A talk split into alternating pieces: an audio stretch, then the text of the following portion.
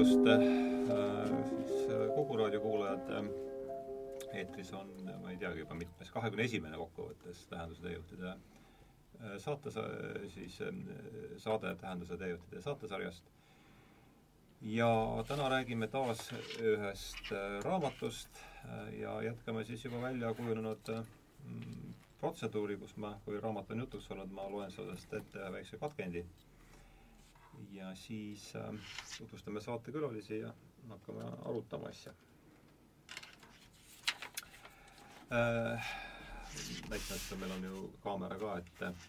see raamat ei ole nüüd eesti keeles ilmunud äh,, teine raamat, mida me selles sarjas oleme, oleme siis äh, käsitlenud, mis ei ole, mis ei ole veel eesti keeles ilmunud, esimene oli John Gray Must Missa ja, ja teine raamat, mis on siis äh, praegu saadaval olevale saadaolev siis, või tähendab, eesti keeles seda ei ole, et eh, ma ei tea, mis teistesse keeltesse seda võib olla tõlgitud, on siis eh, Christopher Browningi Ordinary Men mm, ja alapealkirjaga politsei reservpataljon number sada üks ja, ja lõpplahendus äh, Poolamaal. ma loen ette selle raamatu eessõna esimese lõigu. tuhande üheksasaja neljakümne, ma tõlkisin selle siis siin tund aega tagasi niimoodi suure, suhteliselt kiiru, suhteliselt kiiresti, nii et ta ei pruugi võib-olla kõige ladusam olla, aga oma mõte tuleb vast läbi. tuhande üheksasaja neljakümne teise aasta märtsi keskpaiku olid seitsekümmend viis kuni kaheksakümmend protsenti holokausti äh,,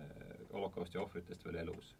ning vastavalt siis kakskümmend kuni kakskümmend viis oli oma otsa leidnud, kakskümmend viis kuni kakskümmend viis protsenti oli oma otsa leidnud. vaevalt üksteist kuud hiljem, tuhande üheksasaja neljakümne kolmanda aasta veebruari keskpaigaks, olid proportsioonid täpselt vastupidised oma olemuses oli holokaust seega lühike ja intensiivne massimõrv. selle massimõrva tollipunktiks oli Poola. olgugi, et tuhande üheksasaja neljakümne teise aasta märtsiks olid kohutavad katsumused, vintsutused ja tagakiusamine kestnud juba kaks ja pool aastat, püsisid kõik olulisemad juudi kogukonnad veel elus. üksteist kuud hiljem võis Poola juutide üksikuid riismeid leida, leida vaid loetud ketadest ja töölaagritest. lühidalt, sakslaste rünnak Poola juutide vastu ei olnud pikaajaline, järk-järguline või kavakindel protsess, vaid tõeline välksõda. massiivne rünnak, mis nõudis suurte väejooksuste mobiliseerimist. see rünnak leidis aset just siis, kui sakslaste jõupingutused idarindel olid sumbunud patiseisu. see on ajavahemikus, mis algas sakslaste uute löökidega Krimmi suunas ja lõppes katastroofilise lüüa saamisega Stalingradi all. nii et räägime me siis täna veel kord, veel kord kord äh, Ühendriikide ajaloolase Christopher Browningi raamatust Ordinary Men ja, ja ka seekord on mul siis külas kaks saate, kaks vestluspartnerit, Raul Sööt siis esmakordselt Tähenduse teejuhtide stuudios ja ja Leo Kunnas oli siin paar nädalat tagasi, kui me rääkisime siis äh, Kivisillnikuga, kui kolmandaks saatekülaliseks oli Kivisilnik ja me rääkisime siis äh, Joosep Konradi Pimedase südamest. ja, ja selle loo ajal ma olen siis teinud niimoodi, et ma olen palunud äh, saatekülalistel ennast ise äh, tutvustada, et äh, hakkame sinust siis pihta, Raul, mis sa ütled enda kohta, et enda kohta on alati keeruline öelda, ütleme võib-olla tavaliselt me teame inimesi nende tegevusvaldkondade järgi. Ähm, muusik olen ma ja õppejõud. õpetan noori muusikuid, džäss on minu valdkond peamine, kirjutan, teen ansambleid. ja võib-olla see on lühidalt kõik. ja, ja põhjus, miks Raul siin on, siis see, et Rauliga me oleme sellest raamatust rääkinud ja erinevalt minust on Raul ka seda raamatut äh, lugenud, mina olen teda niimoodi kahjuks äh, oli, olid ju plaan, parimad plaanid mm -hmm. seega enne saadet jõuda läbi lugeda, aga seda ma kahjuks ei jõudnud, et erinevalt minust on Raul seda raamatut lugenud ja lugenud on seda raamatut ka siis äh, Leo Kunnas, kes on teist korda saates, nagu ma juba ütlesin, aga, aga ole, ole hea, et mitte kõik ei pruukinud esimest saadet jaa, et ma eelmises saates ennast tutvustasin, ega vahepeal mingeid suuri muutusi pole toimunud, et äh, ma olen siis reservkolonelit teeninud äh, Kaitseväes Kaitseliidus ja Kaitseväes pikalt. ja olen ka kirjanik, muidugi kui me Sveniga võrdlemisi, et minu kümme raamatut on üsna tagasihoidlik võrreldes Sveni kolmekümnega, aga noh, tuleb nagu rohkem pingutada ja püüda. eks näeme. aga, aga jah, siis analüüsime järgmist raamatut täna. jah, ja nagu siin avatsitaadis, aitäh, nagu avatsitaadis siis ähm, vast juba selgus ees ole see kõige rõõmsam raamat ja viib ta meid siis neljakümne teise, neljakümne kolmanda aasta Poolamaale. Ja kuivõrd noh, ma tean, millest raamatus juttu on ja, ja mina, minu idee oli see raamat ju kõne alla võtta, aga, aga veel kord, mina seda raamatut lõpuni kahjuks ei jõudnudki lugeda läbi ja, ja seetõttu võib-olla siis räägite eelkõige mulle, mis sa, mida te sealt välja lugesite ja, ja teeme siin siis, hakkame selle ringiga pihta, et, et Raul, et aga alustame sinust, et räägi, räägi mulle ja teistele, mis jaa, minu arust on võib-olla kõigepealt ähm, vajalik äh, mainida see põhjus ka, miks mina selle raamatu juurde jõudsin, ma olen jälginud viimasel aastal päris äh, palju Jordan Petersoni äh, nii loenguid kui äh, artikleid lugenud. Ja ta korduvalt on maininud just nimelt seda Christopher Browningu Ordinary Men'i ja seoses ka sellega, et kui räägitakse mingisugustest mineviku sündmustest, mis on hämarad ja inimloomuse selliseid vastikumaid pooli esile toovad, siis äh, kuidagi väga kerglaselt tavaliselt käiakse välja see kaart, et oh, me ei unusta iialgi ja ja siis kuidagi minnakse üle ja juba, ja juba tegelikult ollaksegi unustatud. Mm, et siis ta küsib, et mida see üldse tähendab, et me ei unusta iialgi. Ja toob alati siis äh, näiteks ähm, kaks tegelikult raamatut äh, paralleelselt, üks on seesamune äh, Ordinary Men, teine on Viktor Frankli Man's Search for Meaning. Ja soovitab lugeda neid tekste nii nagu tegelikult äh, Christopher Browning ka äh, raamatu alguses ja ka lõppsõnas rõhutab, et kuna see uurimisobjekt või, või isegi imelik sõna, et see sündmus, millest ta siin räägib, on leidnud aset inimestega ja kuna ka meie oleme inimesed, siis äh, võiks ennast leida väga vabalt samasuguses olukorras ja nüüd on siis küsimus, et kuidas meie käituksime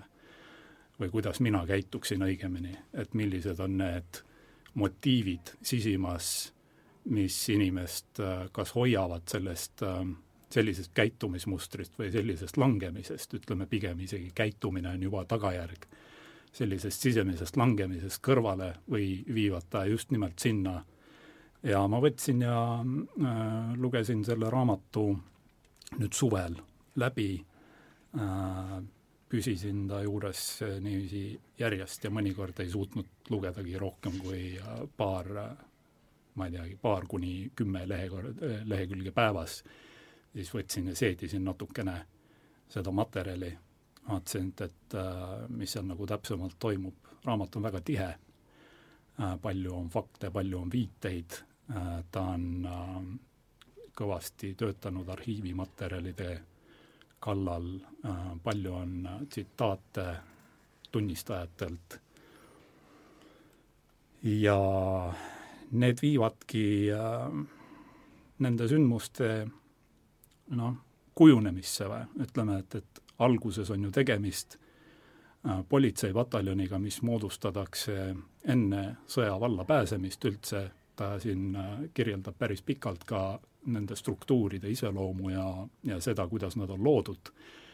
Äh, minu arust üks huvitavam, huvitavamaid momente oli võib-olla siin see, et et suur osa kolmekümne üheksandal aastal sellesse politseipataljoni astunutest olid äh,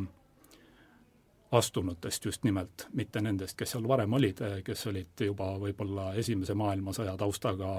reservohvitserid, siis nüüd astus juurde veel tegelikult, seal oli vist mingisugune kas üheksa tuhat noort, noort inimest, kes,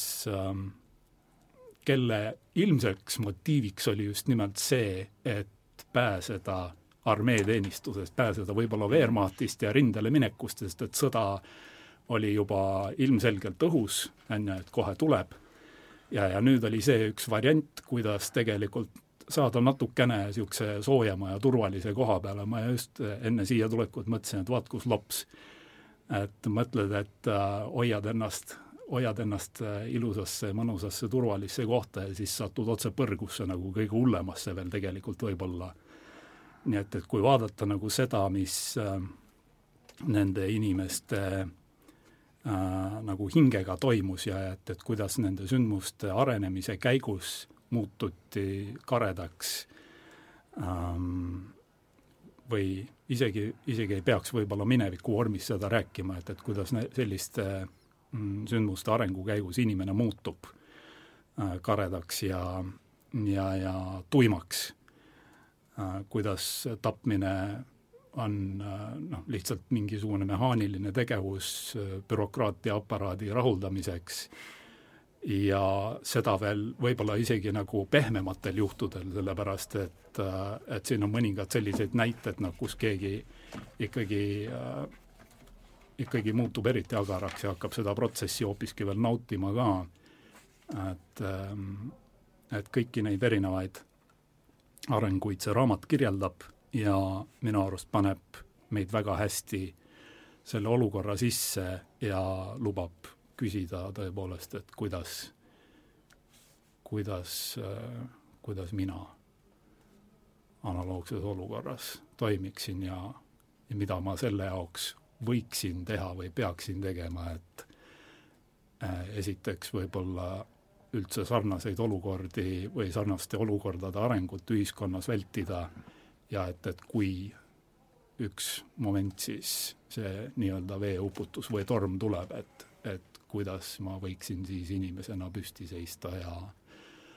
ja öelda ei millelegi noh, nii madalale. et see, see raamat ei ole ilukirjanduslik raamat, et see on uurimistöö põhialus sellele on siis saja kahekümne viie, saja kahekümne viie endise siis äh, reservpolitsei pataljon sada üks võitleja tunnistused, mille nad and-, andsid siis äh, Hamburgis kuuekümne teisest kuni seitsmekümne teise aastani, kui, kui Saksamaal selle pataljoni nagu tegusid uuriti. ja, ja enamus tsitaate tegelikult tulebki siis sealt, et, et need mehed, mis on rääkinud, erinevad mehed, mis siis seal toimus. Et eh, kes seal siis olid, seal olid äh, tavalised Hamburgi kas töölisklassist või siis nagu madalamast keskklassist nii-öelda inimesed erinevate elukutsetega seal, noh näiteks mingi juuksur või poeomanik või metallitööline sealt nagu vilksetavad läbi need, kes nad olid, kes olid umbes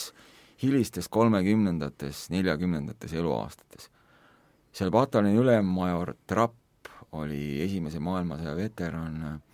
politseinik, politsei nagu ohvitser, viiekümne viie aastane sellal. seal olid äh, mõned kompaniiülemad, kes olid nooremad, nagu karjääri SS, pea siis see alle, algemaine SS ohvitserid, seal kompaniiülemateks selline see üksus oli nagu oma olemuselt, neid oli kokku umbes viissada. Ja see raamat kirjeldab siis detailselt nende teed, alates sellest, kuidas äh, neid välja õpetati, kuni siis selle traagilise momendini, millal nad siis Poolas, esimene koht on Josefov, kus siis äh, seesama trapp seisab kogu oma mehed kokku, seisab poolringis meeste ees, ise noh, praktiliselt on endast väljas, käed värisevad, noh pärast aga nutab tegelikult seal kuskil äh, nagu mm. nurga taga et meile on nüüd antud niisugune käsk, et me peame töövõimelised piirama selle geto ümber, töövõimelised juudid välja selekteerima, ülejäänud ehk siis vanakesed, naised, lapsed koha peal hukkama.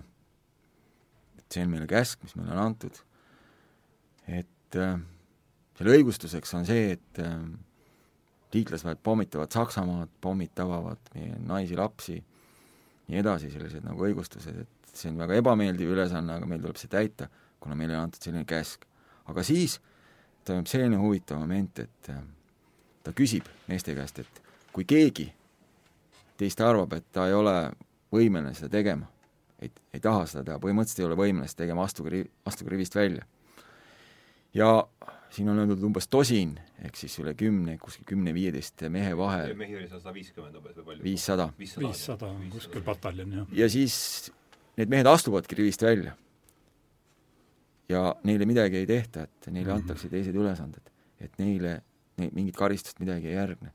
aga neid mehi on üsna vähe ja ja siin on põhjalikult analüüsitud seda, et miks neid tegelikult, miks neid nii vähe oli. ja võib-olla põhiline põhjus oli see, et see tuli nii ootamatult et nad lihtsalt ei suutnud, nad ei olnud moraalselt nagu valmis lihtsalt kuidagi reageerima ja loomulikult, kui sa seisad rivis teiste võitlejate kõrval, siis on väga raske teha seda esimest sammu. no et, et kuidas... astuda sealt välja lihtsalt teistes, ma ei tee nii, ma ei tee nii, minu tee on teine, see on tegelikult nagu, nagu väga raske ja tegelikult seda vähesed suudavad, et et noh, see tegelikult oli üks põhilisi teemasid ka, mida ma ise käsitlesin filmis tuhat üheksasada nelikümmend neli, et et kui raske lõpuks on nagu seda teha ja mis see võib nagu maksma minna. aga siin on huvitav ka see, et, et neid mehi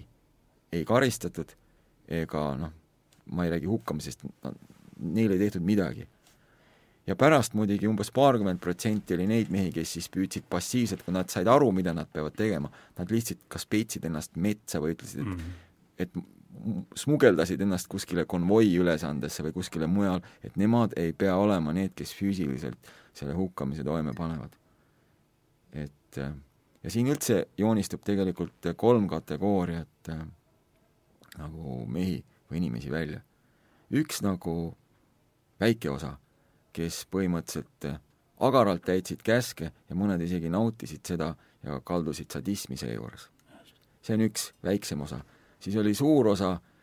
kes täitsid need käsud ära, aga ilma mingi erilise initsiatiivita, et lõpuks nad lihtsalt tegid seda rutiinselt nagu, nagu iga muud tööd, nagu, nagu masinad või nagu konveier. ja siis oli see umbes kakskümmend, kakskümmend viis protsenti, kes siis, kes siis ei, ei, ei teinudki seda, kes siis keeldusid ja erineval viisil siis üritasid nagu kõrvale sellest, sellest äh, ülesandest nagu saada või viilida ja siin on siis analüüsitud seda dünaamikat, et alates sellest esimesest, esimesest hukkamisest kuni, kuni siis edasi ja edasi, et mis seal nende meestega toimus. et siin oli kaks põhiülesannet või tegelikult kolm, mida nad täitsid. üks oligi siis see, et, et kus nad hukkasid erinevaid juute, et hukkunute see arv, mis lõpuks kindlaks tehtud, nad hukkasid, ulatub mitmekümne tuhandeni siis samamoodi teine ülesanne, mis neil oli, nad siis eh, kogusid kokku ja saatsid eh, juute siis koonduslaagrisse, antud juhul Treblinkasse, ja siin on samamoodi veel suurem arv, siis viiekohaline, mis nad siis kokku kogusid, ja viimane ülesanne siis oli nii-öelda nende peitu pugenud ja põgenenud juutide püüdmine ja siis eh, partisanide vastu võitlemine ja püüdmine, kes siis Poola vastupanuliikumine, kes siis kes võitles Saksa okupatsiooni vastu, et need olid kolm põhilist ülesannet, mida siis need üksused täitsid neljakümne teisel ja kolmandal aastal. et, et, et selline, selline nii-öelda üldine pilt, pilt sellest, mis siin raamatus toimus. nojah, siin on päris mitu niidiotsa, mida võiks arutada, et äh, ma kirjutasin endale üles, mis Raul ütles, et et mis seal raamatus juhtub ja mis seal kirjeldatakse, et, et tapmine muutub lihtsalt mehaaniliseks tegevuseks, mida siis sooritatakse bürokraatia aparaadi rahuldamiseks. ja et mida siis ja jah, seal, ja seal siis kaks küsimust, et see asi, mis järjekorras me neid lahkama hakkame, et et kuidas teha niimoodi, et me mida me saame siin kõik üksikult teha selleks, et, et bürokraatia aparaat meid sellisesse olukorda ei asetaks ja, ja, ja kui me, hoidku jumal selle eest, millesse peaksime sattuma, et siis käituda nii, et, et põrgusse ei satuks. aga et võib-olla isegi enne, kui me nende mis ma arvan, on tegelikult needsamad, sa sõnastasid ära need põhiküsimused siin selle, selle raamatu puhul, aga et võib-olla ja, ja seda me teame, et me Rauliga mõlemad oleme vaadanud seda esimest äh, intervjuud, Petersoni esimest intervjuud Joe Roganiga, kus see raamat kohe ka jutuks tuleb ja ja see kontekst, kus see tuleb, tuleb jutuks, ongi just see tee sellesse, et need, need sündmused ei, et meil on Versailles rahu, eks, siis on meil siin mhm. tuhande üheksasaja kahekümnendad, et, et me ei satu kohe äh, sellesse olukorda, kus me oleme seal poolringis selle, selle siis äh, Poola küla ees ja kuulame Konole seda, mis ta oli, Major Trappi. Major Trappi, jah. et, et, et kuidas sinna sattuti ja seal Peterson just, ja see on see koht, koht, kus ma seda raamat ja see, ta toob just selle näite, et sa ei satu sinna ühe hüppega, vaid need on väikesed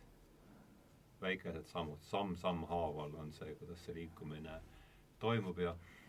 ja, ja võib-olla natuke tuleme isegi sellest, me saame alati raamatu juurde tagasi pöörduda ja sealt näiteid võtta, aga et mis on need sammud, mis meid no, ütleme, see, ütleme, see on see kontekst, mis mind pani selle raamatu vastu huvi tundma ja miks ma ta tellisin ja ja miks ma otsustasin selle, selle saate teha, et võib-olla hakkaks sealt nagu pihta, et mis on need sammud, mis mille lõpus, mis on need esimesed sammud, mille lõpus terendab see olukord, kus me seisame seal poolringis selle, selle küla ees? Tead, ma isegi vaataks, vaataks seda selle äh, nurga alt äh,, mis võib-olla ei ole isegi nagu ajateljele paigutatavad,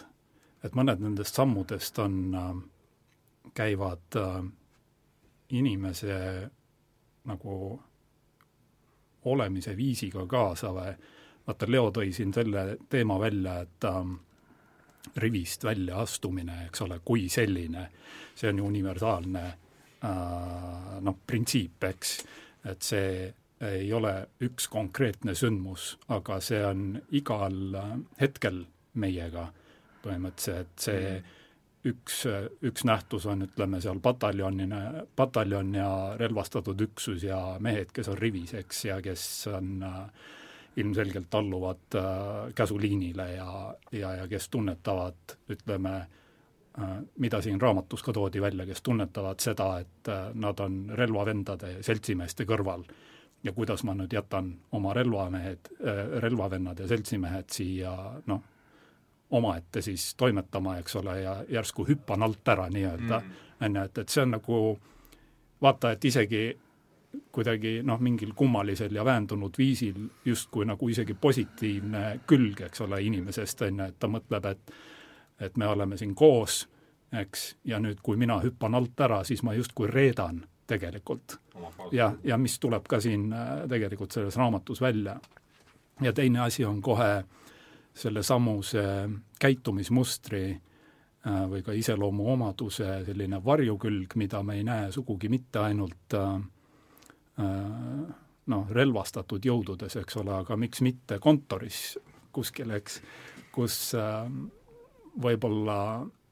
mm, hakatakse rakendama mingisugust uut ideoloogiat või mingisugust poliitilist suunda ja siin on samamoodi nüüd äh, on kari eks, ja siis äh, on see üksikisik, indiviid, on ju, kes tunnetab kõigi oma keharakkudega, et nüüd on midagi väga valesti. Ja siis on küsimus, et kas ta karjub selle välja, et nüüd on midagi väga valesti ja siis võib-olla paneb oma pea pakule tegelikult. või siis on pigem vait, on ju, et see on nüüd see teine minu arust palju hämaram külg äh, võrreldes, äh, võrreldes selle eelmise mainituga, on ju, et, et kus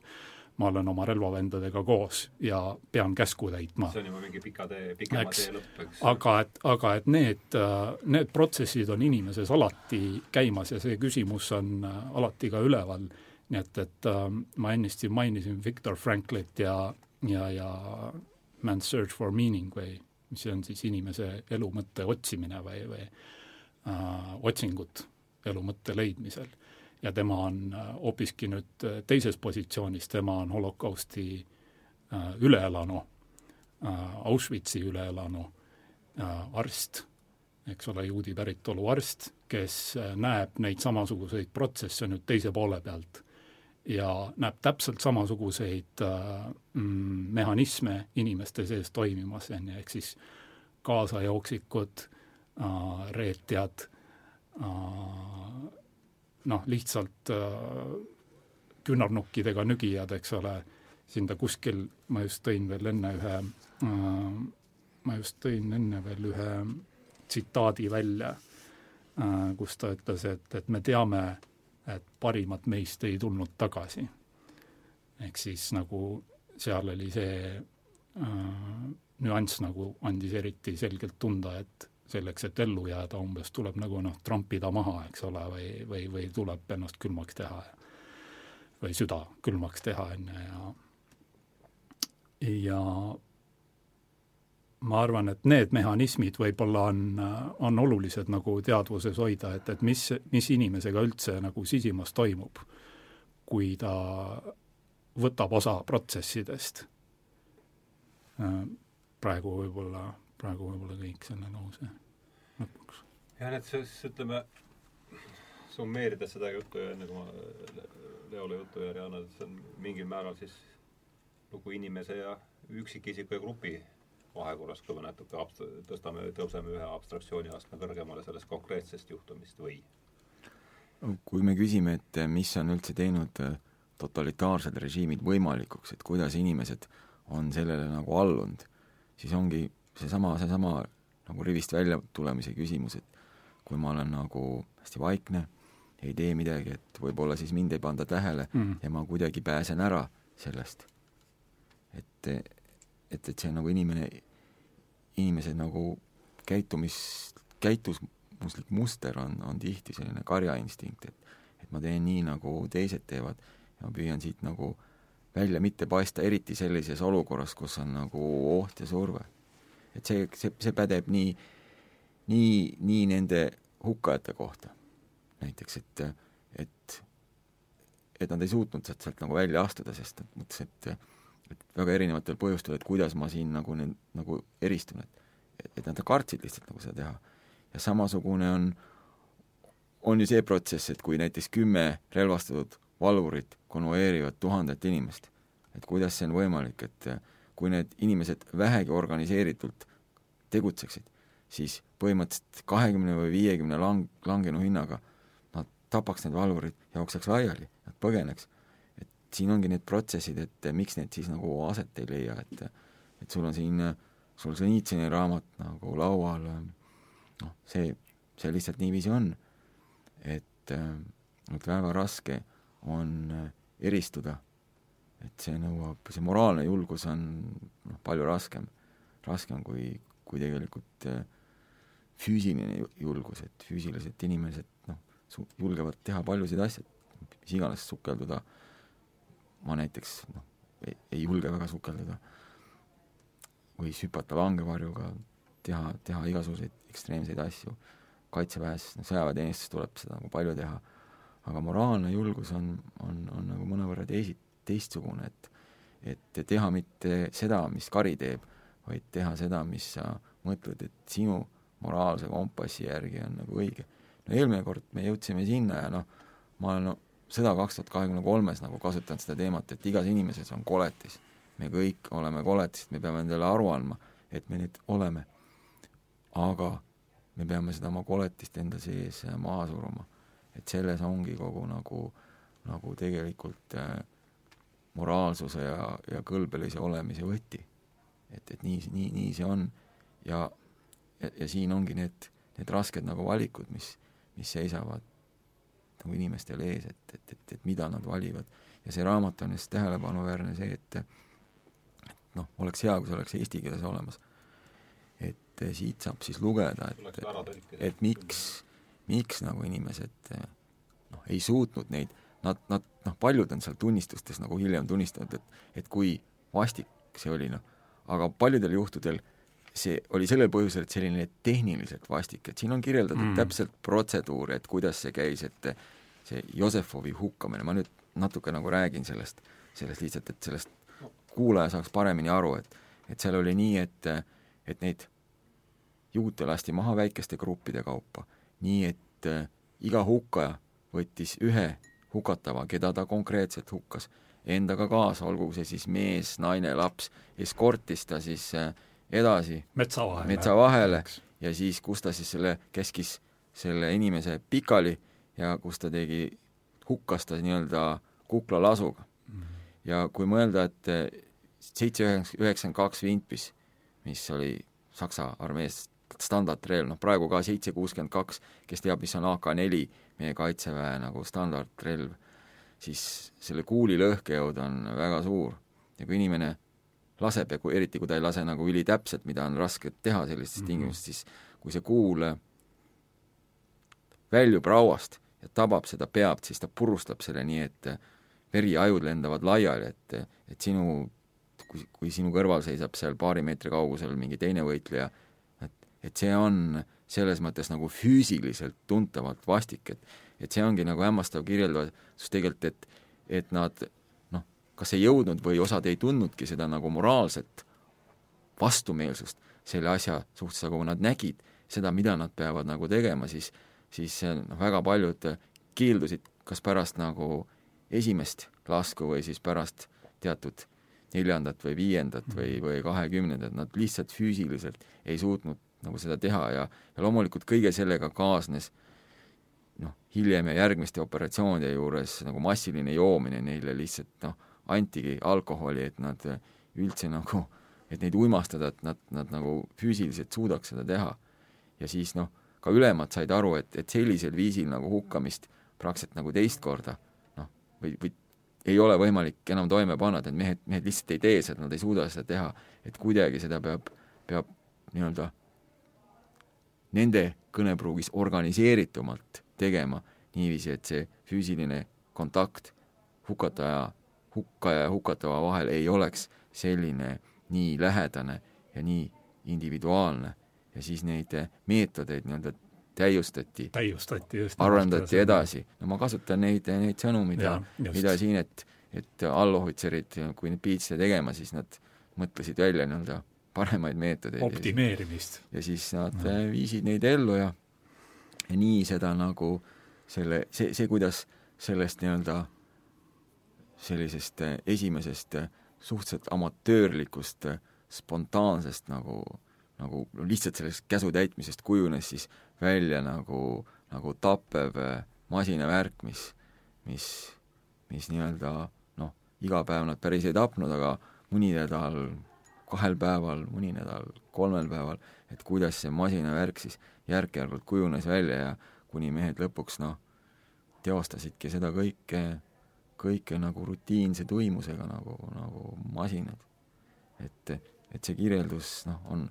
on väga-väga mõtlemapanev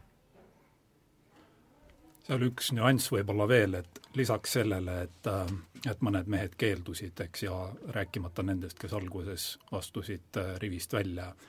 äh, minu arust oli, ma enam nüüd seda nime ei mäleta, mul ei ole praegu märget ka käepärast, et üks nendest sõduritest nagu järjepidevalt taotles enda noh, üleviimist sellest väeosast siis. Ja lõpuks ta saadeti tagasi Hamburgi, eks ole, kus ta sai siis nagu teise posti peale, aga et äh, ta veel tükil ajal pidi olema siiski öö, äh, oma noh, oma ülesandekaaslastega koos, eks, ja, siis alati nagu püüdis kõrvale seista ja, ja siin on ka kirjeldatud, et, et kuidas siis noh, need suhtumised hakkasid tema äh, Ähm, tema suhtes ilmnema, eks ole, nii et, et noh, et, et kes seal põlgas, eks ole, kes seal natukene kadestas, äh, kes tegi mingeid mürgiseid märkusi, on ju, kas siis ohvitseridest või kaassõduritest, et noh, on ju, et mingisugune tead, vilets vend, on ju, et nõrganärviline siin, eks, et et huvitav, et, et sellised äh, mehhanismid hakkavad ka tööle, et nagu, et justkui seda enna, enda julgust siis üles pumbata äh, ütleme, alkoholi äh, noh, abil üks variant, eks, aga et teine variant, et siis ähm, näitlemine justkui ma olen siis kõva mees, eks, et, et osa rahvast hakkas ka nagu äh, sellist teistsugust käitumist endas kunstlikult esile kutsuma, et lihtsalt seda ühte vastikustunnet äh, mahamata. on ju, ja nüüd on siis hoopis teine nähtus, on äh, kõrvaleastujate juures on kõrvale nihverdajad ja neid oli peaaegu et lõpuni, siin on, ma lähen nagu viieteistkümnenda peatükini, kus on, kus on nüüd see nii-öelda viieteistkümnes peatükk oli minu arust see nii-öelda lõikuskuue, kus tehakse piirkond lõplikult siis jutumärkides juudi puhtaks ja kus ollakse muutunud tõepoolest juba täiesti mehaaniliseks, siis kuni, kuni nende viimaste aktsioonideni on alati, on mehi, kes tegelikult ikkagi üritavad ja leiavad ka võimaluse, järjest tegelikult kasvavalt leiavad neid võimalusi kõrvale hiilida, sest et lõpuks on juba vabatahtlikke nii palju, kes võtavadki mm. osa, eks ole, ja mõned nendest juba naudivad seda protsessi ja teised lihtsalt teevad tööd. aga mis pani mind mõtlema, oli see, et seal oli selline episood, kus kuskilt kas Hamburgist või Berliinist tuli mingi politsei meelelahutajate grupp tuli sinna neile andma mingit kontserti ja siis seal keegi mingi, tahtis osa võtta ja sealt, sealt grupist ja vabatahtlikult inimesed tahtsid sellest osa võtta ja mõned lausa nagu palusid ja siis pataljoni ülem siis andiski neile loa. ja siis, kui osa nendest, siis oligi kahetine reaktsioon, et osa, kui nägid, et et mis see tegelikult on, siis nad nagu kohe keeldusid ja nad lasti noh, ära ja mingi osa siis nendest politsei meelelahutajatest siis äh, võttiski nendest tapmistest osa mm. -hmm. et eh, seal on selline tähelepanuväärne vaheepisood. aga seal on nagu huvitav veel, mis ma panin tähele, et, et eh, major Trapp siis juhtis seda pataljoni, tal oli kolm kompaniid, seal kolm kompanii ülemat, neid on üsna täpselt kirjeldatud seal, üks kompanii ülem oli nendest reservväelane, kes oli umbes nelikümmend vist kaheksa aastat vana, vana Gnade oli tema Gnade leitnant et tema alguses suhtus ka nagu kõigesse väga negatiivselt, aga hiljem temast tuli sadist, et, et kuidas tema muutus nagu, see oligi nagu hämmastav, et et, et, et, et see nagu vana reservväelane muutus selleks sadistiks. ja tegelikult seal olid kaks nooremat nagu SS-i ohvitseri, kes kahteteist kompaniid juhtisid, nemad ei muutunud kunagi sadistideks, aga nemad lihtsalt rutiinselt täitsid need käsud nagu mm, -hmm. nagu mhm. masinad, nii ja. nagu iga teisegi käsu et siin on nagu kirjeldatud neid, neid erinevaid, seal Voolauf oli ühe nimi, see Voolauf oli selles mõttes noh, tegelikult alluvad ja, ja võitlejad hakkasid teda nagu, nagu põlgama pärast seda, kui kui tema tõi oma naise tema tõi oma naise sinna ja siis see naine nägi seal, seal see oli teise, see oli teine suurem aktsioon, oli see Miedrich, seal naine nagu nägi seda, kuidas neid juute kokku koguti ja siis noh, neid, kes nagu püüdsid põgeneda või, või, või kõrvale hiilida, et neid lasti ka seal maha, et et naine lihtsalt vaatas ka, et mingi nel-, nel-, neljandat kuud rase naine siis vaatas seda nagu, nagu pealt ja noh, ja siis nagu võitlejad mõtlesid, et noh, et see on küll nagu liig, et et, et et, et miks, miks ta nii teeb, et, et ta tahab näidata siin, et ta on siin tähtis nagu ülem, et mm -hmm. või midagi sellist, et et see oli nagu väga negatiivne reaktsioon. aga, aga siin on jah, need individuaalselt äh, analüüsitud seda kõike, et need äh, kaks kompaniiülemat muide pääsesid kaheksa-aastase vanglakaristusega pärast uurimist, need kaheksa, kaheksa S, nagu SS-i liige, või tähendab, kaks SS-i liiget äh, pääsesid kaheksa-aastase vanglakaristusega. trapp poodi üles pärast, eks? trapp poodi trapp, Poolas jah. üles, sellepärast trapp ja üks komp-. poolakate hukkamise pärast kusjuures. et trapp ja siis üks kompaniiülem, kes tegelikult asjades ei osalenud juutide hukkamises ja poodi üles Poolas, sest äh, nad anti välja Poolale pärast seda, kui Poola esitas äh, nõudmise karistusaktsiooni karistusaktsiooni pärast, kus hukati siis, siis seitsekümmend seitse poolakat äh, selle tõttu, et et partisanid olid, olid tapnud ühe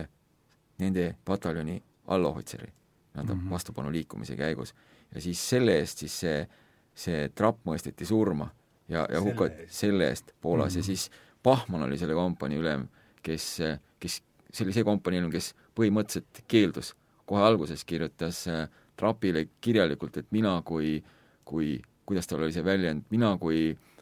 kui Hamburgi ärimees, et tal Just. oli oma mingi väike puidufirma, et mina kui Hamburgi ärimees, perekonna isa, et mina seda, sellist asja tegema ei hakka. Ja põhimõtteliselt palun mind noh, üle määrata siit mujale teenistusse, et ma seda ei tee, noh ja, ja, ja siis noh, Trapp äh, aktsepteeris seda et aga tema siis tegelikult äh, nagu ma ütlesin, et tema ei osalenud nendes asjades, aga ta oli osaline nende poolakate põhimõtteliselt hukkamisel mm. ja siis äh, poolakad mõistsid ta surma nelikümmend kaheksa, siis, siis tema hukati koos trapiga. et äh, ja seal oli veel, kas neid, oli kuskil kümmekond, kes said, kes said äh, siis Hamburgis hiljem kuuekümnendatel aastatel mingid karistused, et seal olid viie-kolmeaastased karistused, mingid veel, aga need, need kaks SS-ohvitseri said nagu kõige suuremad kaheksa-aastased karistused. kas neist oli ka midagi teada seal, ma tean, et need eh, kompaniiülemad, nii palju ma jõudsin lugeda, Trapp ja ka need kompaniülemad on oma õigete nimedega seal raamatus ja, ja ülemate puhul on siis äh, pseudonüümid. kas neist on ka teada, mis nendest, kes seal sadistideks muutusid, mis, mis neist hiljem sai või mis äh, äh, tuli see sealt välja? mul ei tule praegu see ette ei, ei äh,, ei tule, et praegu see ette, mul tuli äh, seoses selle, no vaata, kuna sa mainisid seda transiitgetot äh,, mis on raskesti hääldatava nimega ja Miedritš. Jaa, äh, ma just vaatasin enne siia tuleb Forbost järgi selle poolakeelse häälduse, et see oli Mienžežetš ja siis ähm, äh, Gnade teise kompanii mehed hakkasid seda hüüdma mention Shrekiks, siis nagu inimõuduseks, et, et see oli, see nagu niisugune pidev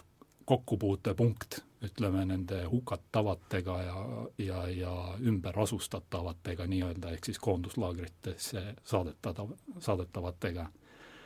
just Lublini piirkonnas. Äh,, siis äh, selle kõigega kokku puuduti. Nii et, et võib-olla see, see küla ümbernimetamine nagu meeste noh, nii-öelda kõnekeeles veel üks huvitav märk siin, et kuidas nagu tegelikult tajuti selle protsessi olemust ka asjaosaliste poolt. No on päris selge, et me ei räägi sellest raamat- või me räägime nendest raam-, kõikidest nendest raamatutest, mis Siona valinud, sellepärast et nad on jätkuvalt äh, aktuaalsed ja ja, ja ei ole loomulikult üllatav, et me jõuame ka selles saates täpselt samasse kohta, kus me, Leo juba mainis seda, kus me selles eelmises saates olime, kus, kus, kus Leo samuti osales, et kuidas seda et ma kujutan ette, et meie siin kõik võtame seda etteantutena, et meie sees on koletis ja, ja meie ülesanne on seda kuidagi vaos hoida ja, ja, ja kogu jutt käib suuresti selles ümber, selle ümber, et kuidas seda, kuidas seda teha aga no me, ma ei kasuta, mina kasutan Facebooki mm, noh, valdavalt ma ei, mitte ennast sündmustega, enda sündmustega kursis hoidmiseks, vaid pigem oma enda asjade jagamiseks ja, ja seltsitegevuse tutvustamiseks. ja ei loe eriti neid kommentaare, aga, aga üks kommentaar, mis mulle on jäänud meelde ja kuidagi siia peas pähe kruttima ongi just see, et postituses ütlesin enam-vähem sedasama asja, et inimese sees on, et meie kõigi sees on sellised pimedad ja ja hirmsad jõud ja, ja kui me satume sellisesse olukorda, siis noh, puht statistiliselt on tõenäolisem, et me jääme rivvi ja hakkame tegema neid asju, kui me sealt rivist välja astume. noh, igaühel puhul eraldi on see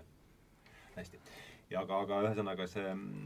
see kommentaar, mis minul on nagu pähe jäänud, oli see, et tänapäeva teadus on ära tõestanud et ei, meis ei ole mingit äh,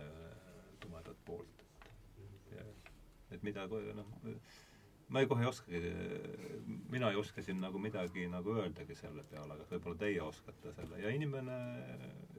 ei jah, noh, tõenäoliselt oli teadlane ka veel kõigele lisaks, et kui ta teadusasjadega kursis on, aga mis sa, Raul, selle asja peale ütleks? ma ütleksin selle asja peale nii, et ähm, et vaata, me kuuleme mingisuguseid teooriaid aeg-ajalt siit ja sealt ja, ja mõni võib-olla jõuab mingisuguse teadmiseni ka ise ka sisimas. ja praegu on äh, kombeks palju rääkida sellest, et noh, et inimene on tegelikult äh, valge leht ja, ja, ja kõik on, kõik on algselt tegelikult puhas ja hea, eks, ja, ja võimalik, et äh, mõned üksikud saavutavadki sellise seisundi, kus nad tõepoolest tajuvadki maailma lõputute võimaluste tandrina, eks ole, kus saab minna küll ühele ja teisele poole, aga tajuvad ühtlasi, et inimolemus ongi selline puhas ja loomult hea. aga minu arust on nagu siin probleem mm, selles, et äh, seda on väga lihtne võtta üles kui, äh, kui sellist tühja sõnakõlksu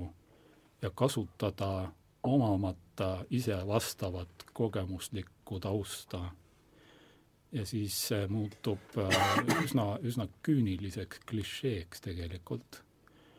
Mul seoses sellega tuli veel üks mm, viide meelde, ma just vaatasin äh, paar päeva tagasi mm, Dave Rubini, see on selline äh, podcast'ide tegija, hästi, hästi tuntud, eks ole, Californias, LA-s teeb oma podcast'e ja kutsub huvitavaid külalisi rääkima no igasugusest äh, valdkondadest, on ju, ja ühtlasi ka erinevate poliitiliste või ideoloogiliste spektrumite osadest, ütleme, kutsub oma külalisi, nii et, et ta on selles suhtes huvitav tegelane, et ta ei, ütleme, et, et ta ei intervjueeri ainult nagu ütleme siis pigem konservatiivse poole inimesi ja pigem ka mitte ainult äh, vasaku spektri poole peal olevaid inimesi, ehkki ta on just nimelt sealt oma oma vaadetega pärit, aga erinevaid. Ja nüüd oli tal külas Glen Beck. Ja äh, tema rääkis omakorda oma äh, visiidist Auschwitzi, äh, käis hiljuti ja, ja kohtus äh, ühe vanema naisterahvaga, kes üheksakümmend juba ja kes oli just üks nendest ähm, kangelastest, kes oli päästnud juudi perekondi ja, ja tema pere oli päästnud, noh, ehkki elu oli ohus, eks ole ju, inimestel on ju, kes võtsid sellise, sellise julgustüki ette ja siis äh, ta oli küsinud sellelt naisterahvalt, et kuidas, kuidas sa nagu noh, suutsid olla nii õiglane ja nii, nii julge, eks ole. ja siis see naine oli peaaegu imestunud äh, tema küsimuse üle, oli vastanud, et, et et äh, need inimesed, noh, ta ei rääkinud ainult endast, eks ole, aga ta rääkis nendest teistest kõigist, kes, kes julgesid seda teha, et et nemad ei äh, saanud mitte üleöö õiglaseks või, või kangelaslikuks, aga nemad lihtsalt keeldusid minemast üle kalju äh, kuristikku, samal ajal kui kõik teised seda tegid. nii et, et siin on nagu hästi olulisel kohal see, et, et et äh, mina inimesena teadvustan oma sisemist nii-öelda kaljut, ehk mm. siis, ehk siis tõepoolest seda puhast äh,, puhast ja ilma koletislike jõududeta olemust, eks, aga kas mul on see tõepoolest minu isiklik kogemus või see on mingisugune teoreetiline ideoloogiline jutt, eks, mida ma ajan üsna silmakirjalikult, et vaata, niisuguseid vooruslikke äh, vooruslikke avaldusi on väga lihtne teha, on ju, aga et, et kui sa oled siis lõpuks selles olukorras, või mitte lõpuks, eks, aga et sa oled kogu aeg sellistes olukordades, kus sa teed valikuid, et kuidas sa reaalselt käitud. nii et, et üks oli see äh, Glen Becki märkus ja teine äh, sealsamas kõrval äh, jällegi hiljuti vaatasin Hoover Instituudis, ütleme, et, et seal on kes see on, Peter Robinson, eks ole, intervjueerib suurel hulgal hästi huvitavaid inimesi ja temal oli seal Nathan Sharansky, Nõukogu, Nathan Sharansky Nõukogude Liidust emigreerunud äh,, samuti juudi rahvusest äh, noh, ütleme selline vabadusvõitleja aktivist, on ju, kes istus ka üheksa aastat äh, laagrites ja ta pääses minema kaheksakümne kas kuuendal Äh, sai emigreeruda Iisraeli, eks ole. ja, ja tema äh, räägib seal äh, sellest äh, või noh, rõhutab just, et, et kuidas inimest kontrollitakse, ehk siis äh, äh,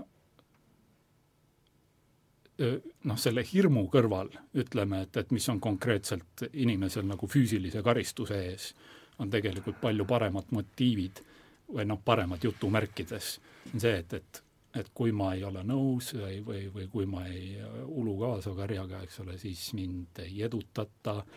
ja, ja siis, siis ma ei saa nagu nii heades tingimustes toimetada. Ja et, et kuidas tema nagu äh, mingi moment, kui ta nii-öelda ärkas äh,, tajus nagu selle noh, selle mehhanismi sellist vastikut mäda iseloomu eh, oli see just, et, et et ma pean igal hetkel meelde tuletama, mis mu sisemine tegelik olemus on ja seisma sellega, nagu seisma sellega sirgelt, nii et, et nii et äh, kommentaariks sellele sellele, et, et inimese olemus on tegelikult äh, puhas, eks ole, ja seal ei ole mingit koletist, ma, ma arvan, et see on so and so, on ju, et, äh, et see on tõsi sellisel juhul, kui see on tõepoolest sinu isiklik kogemus, aga et, et kui see on lihtsalt mingisugune teooria, siis see on noh, samasugune prügi nagu kõik igasugused muud teooriad, eks nii et, et palju tõenäolisem on see, et äh, igal inimesel on seal veel järel üks väikene tükikene mingisugusest teemonist, kes ei ole siiamaani avatud ja kes nüüd vastava võimaluse avanemisel näitab ennast. nii et ma ütleks, et et neid on väga-väga vähe, kes on nii lõpuni puhastunud, et äh, nad tõepoolest seisavad selle oma tõeliselt puhtas ähm, valgustunud olekus, eks ole, ka seistes silmitsi võimalusega ristile naelutatud saada. jah, siin on küsimus, et kuidas võiks sellist asja teaduslikult tõestada. minu otsa ei tasu vaadata. ei, ma vaatan sinu otsa korraks, aga see koletis on tegelikult noh, ta on inimese nagu tekkimise noh, evolutsiooni kaasnähtus, ütleks niiviisi, et et kultuur, tsiviliseeritus, mis meil on, on tegelikult väga pealiskaudne. on olnud ajad, kus inimesed on söönud inimesi, see on olnud norm. täna see ei ole norm, võib-olla kuskil Kongos mõnes üksikus kohas on see jäänud, aga see kunagi oli norm. siis inimeste oma, oma ohverdamine Jumalale oli kunagi norm. täna võib olla mingi satanistlik sekt, sekt kuskil nurga taga võib midagi sellist teha. et see areng on olnud nagu pikk ja väga pikk tee on veel minna. aga lihtsalt inimene, kui ta ei oleks oma, oma olemuselt, kui tal ei oleks seda koletist olemust, ta ei oleks jäänud lihtsalt ellu, meid ei oleks siin, siin täna olemas, et seepärast ma kardan, et, et praktika, nii-öelda sellel väitel puudub praktiline või empiiriline tõestus, et me, me kõik oleme tegelikult eh, nagu tõdenud vastupidiks, pidist, et eh, jah, õnneks on olemas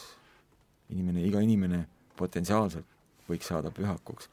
aga tegelikult väga vähesed suudavad sinna välja jõuda. ja sellepärast nagu noh, me neid inimesi austamegi, kuna neid on nii vähe ja see on nii raske. nii see lihtsalt on. jah, see haakub mul, see, mis Leo nüüd rääkis, haakub, ma ütlen, saate alguses ütlesin ka, et teist korda on siin meil kõne all raamat, mis on saadaval siis, mis ei ole saadaval eesti keeles ja esimene raamat oli siis, mida käsitlesime siin maikuus vist, no oli John Gray hmm, Must Missa ja noh, Gray üks argument ongi see, et me ei saa, just see, millest Leo rääkis, et see, need et mingid asjad, mille peale me täna vaatame nagu mingi noh, barbaarsuse. jah, viimse barbaarsuse peale on olnud kunagi normiks ja, ja see see ajavahemik, mille käigus see äärmine barbaarsus on olnud normiks, on olnud, on mõõtma-, mõõtmatult pikem kui see, mis me, mille ümber, mida me siin niimoodi oleme kirja pannud. ja et, et see, mis minu meelest Gray puhul on väga oluline mõte, et kui me teaduses saame rääkida sellest kumulatiivsest protsessist, et me ei unusta ära seda, kuidas aurumasin on ehitatud ja kui me oskame aurumasinat ehitada, siis on mõned sammud veel. Ja, ja mõne aja pärast on meil valmis iPhone, aga sellises eetilises ja moraalses äh, progressis seda kumulatiivsust ei ole, et me võime äh,, me võime tagasi langeda noh, tänasest, tänasest hetkest täpselt sinna, kus see barbaarsus lööb meie kõigi äh, hämmastuseks ja lõkkele veel. Meil on lihtsalt tapmiseks tehniliselt palju paremad vahendid, seepärast me suudame seda teha palju efektiivsemalt, palju kiiremini ja palju massilisemad kui varem, nii kurb kui see ka ei oleks. no ja siin on vaata veel lisaks see, et et tapmine on meist ju kusagil distantsil, eks, me ei puutu sellega kokku, on ju, et seda see, et, et kedagi kusagil tapetakse, noh, kui palju on see meie igapäevase reaalsuse osa, eks, ega eriti ei ole, on ju, mis ei tähenda, et, et seda ei toimu, mis ei tähenda, et äh, jällegi, et, et ka need struktuurid, millega me seotud oleme, seda kuskil ei toimeta, aga ma leian omakorda, et, et füüsiline tapmine või, või ütleme ka füüsiline äh, konkreetne väärkohtlemine, ütleme kas inimese, konkreetse inimese või inimeste grupi äh, suhtes. Ähm, võib-olla see on isegi liiga, liiga selline lihtne tee, mida, mida hukka mõista, et palju lihtsam ja palju lähem on näide just nimelt, nagu ma ennist juba viitasin ka, et et kusagil töökollektiivis või, või kontoris või, või meil omal, ütleme, ühiskondlikus aruteluski, et, et vaata, kui palju on siin äh, selliseid kergeid äh, hukkamõistmisi, eks ole, ja sildi pealepanekuid äh, kas, kas ühele inimesele või inimeste grupile, kes mingil põhjusel seisavad vastu üldtunnustatud siis mingisugusele dogmale, on ju, mis parasjagu on üles kerkinud huvitaval kombel, on ju, äh, lühiajaline dogma, eks praegu on sellised ajad, vaata jällegi äh, kõnepruuk vastav, et praegu on sellised ajad ähm, ja, ja nüüd me peame vastavalt käituma ja siis, kui keegi ei nõustu äh, mingisuguse sellise äh, teesiga, eks ole, siis äh, see püütakse ikkagi mutta tappida äh,, tampida nagu. ja nagu mis osast see erineb põhimõtteliselt oma mehhanismi poolest ütleme, füüsilisest hävitamisest, on ju, et füüsiline hävitamine on meil hästi kerge defineerida noh, millekski, millekski halvaks. eks, et me kõik teame, et see on, see on paha, eks, aga et kui sa nüüd võtad ja tõstad nagu need mõningad takistused ka füüsilisel äh, hävitamisel või väärkohtlemisel ära, on ju, et, et siis mõtisklegem korraks, et, et kui paljudel inimestel tegelikult see oleks võimalus midagi, midagi väga vastikut sügaval sisimas kogu aeg tuha all olevat teostada. kohe seoses sellega tuli meelde äh, ETV-s just äh,, ETV kahes äh, äh, eetris olnud äh, film, dokumentaalfilm see oli Andestuseta, see oli sellel nädalal minu arust eetris ja ma just eile vaatasin selle üle veel, äh, sõber Ain soovitas. seal oli ähm, tegemist äh, või, või kajastatud Jugoslaavia konflikti ja üheksakümne teisel aastal ühte noorukit, äh, tollel ajal üheksateistaastane, kes, kes sattus ka vangivalvuriks. tema kusjuures tahtis rindele minna ja sattus vangivalvuriks ja siis just nimelt kasutas seda võimalust oma, oma julmuse arendamiseks põhimõtteliselt, nii et, et, äh, et see, seda filmi ma soovitan nagu soojalt vaadata, üsna vastik. aga et, ähm, et äh, seal on nagu näha, et, et mõned sellised teemonlikud jõud on tegelikult kogu aeg olemas, nii et, et see, et, et me käime tsiviliseeritult siin, suhtleme teineteisega ja saame täitsa kenasti toimetatud, on paljuski ainult tänu sellele, et et ei ole võimalust, eks, nii et, et äh, suur hulk inimesest ainult ootab seda võimalust. et anna aga, anna aga noh, ma ei tea, kas püss kätte või anna võimalus kedagi lihtsalt, ütleme, äh, kedagi mustata tegelikult, palju lihtsam näide ju, eks. üldse ei ole vaja sõjatingimusi, üldse ei ole vaja püssi kätte anda, kedagi tappa ei ole vaja aga lihtsalt vaja kellelegi nagu halba teha. eks, no näiteks, näiteks, on ju. seo-, seoses sellega veel äh,, vaata just oli kohtunik Kavanaugh äh, ütleme, ametisse nimetamise ümber toimuv tsirkus, eks, siis ma, mulle jäi üks äh, nagu selline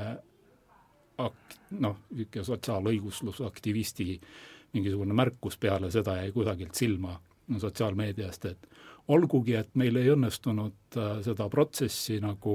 noh, ümber keerata või et ei õnnestunud äh, tema ametisse nimetamist nurjata, vähemalt me suutsime tema elu ära rikkuda. eks, noh, ja kui sa nüüd võtad ja paned selle siia, on ju, et anna inimesele püss kätte, siis noh, on ju, arva, et mis sealt edasi tuleb. valmis, valmisoleku taha eks, absoluutselt, eks aga üks väide, mida ma olen kuulnud ka seal Petersoni juurde, tahaks, et ähm, Leo seda kommenteeriks, et ta, noh, ta on siis kliiniline, kes ei tea, tegemist on siis kliinilise psühholoogiga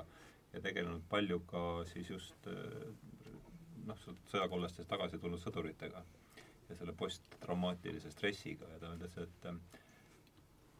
et tihtipeale või väga siis ma ei tea, kui, mis see proportsionaalne juhtum on, aga et need, et see posttraumaatilise stressi äh, põhjuseks ei ole see, et nad nägid midagi, kedagi midagi tegemas, vaid nad nägid enda seest välja hüppamas mingit tegelaskuju, kes hakkas tegema asju. ja see on see, ühesõnaga nad käitusid nii, nagu nad eluilmaski poleks osanud arvata, et nad suudavad käituda, et noh, sul on see sõjakogemus, sõja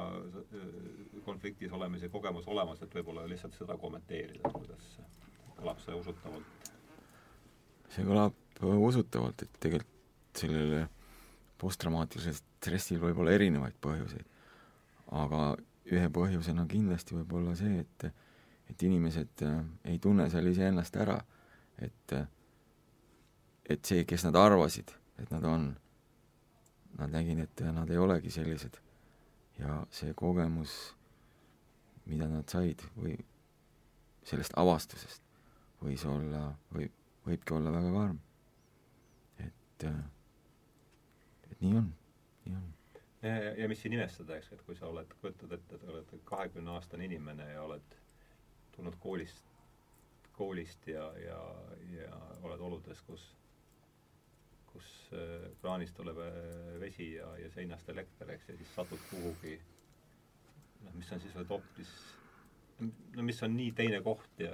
kui, kui üldse saab olla. Ja, ja mis on huvitav, on see, mis ma, mul on ka meelde jäänud,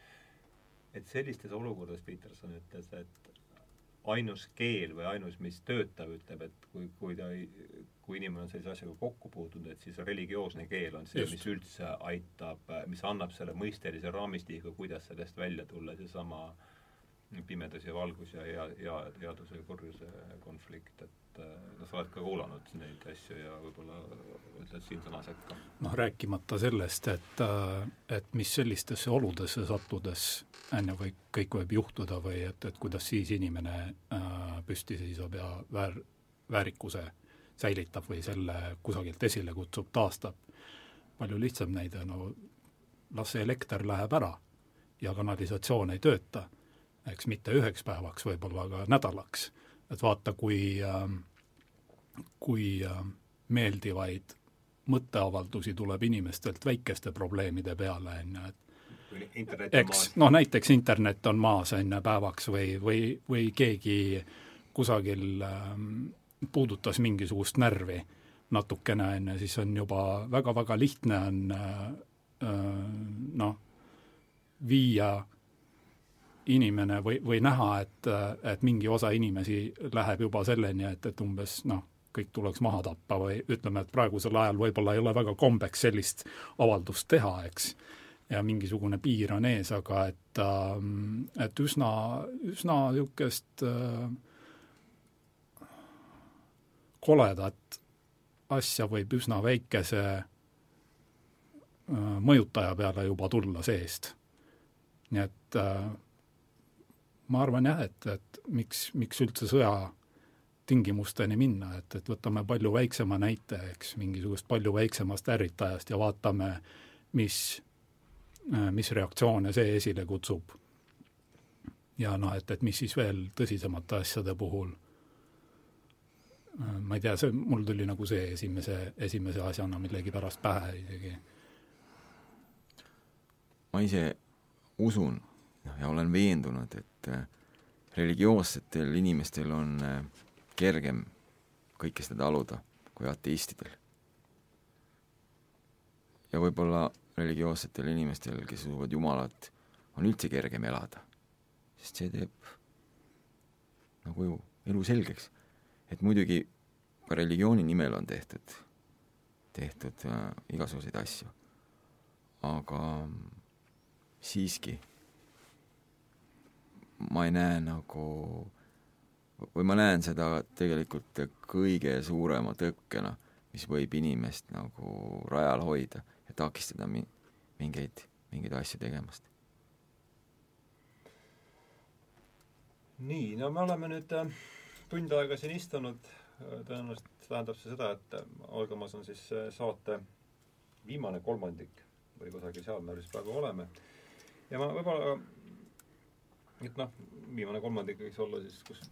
võiksime jõuda mingite üldistusteni ja ja ma tahaks siit ette lugeda ühe lõigu, Leo juba pani selle tähele, võtsin kaasa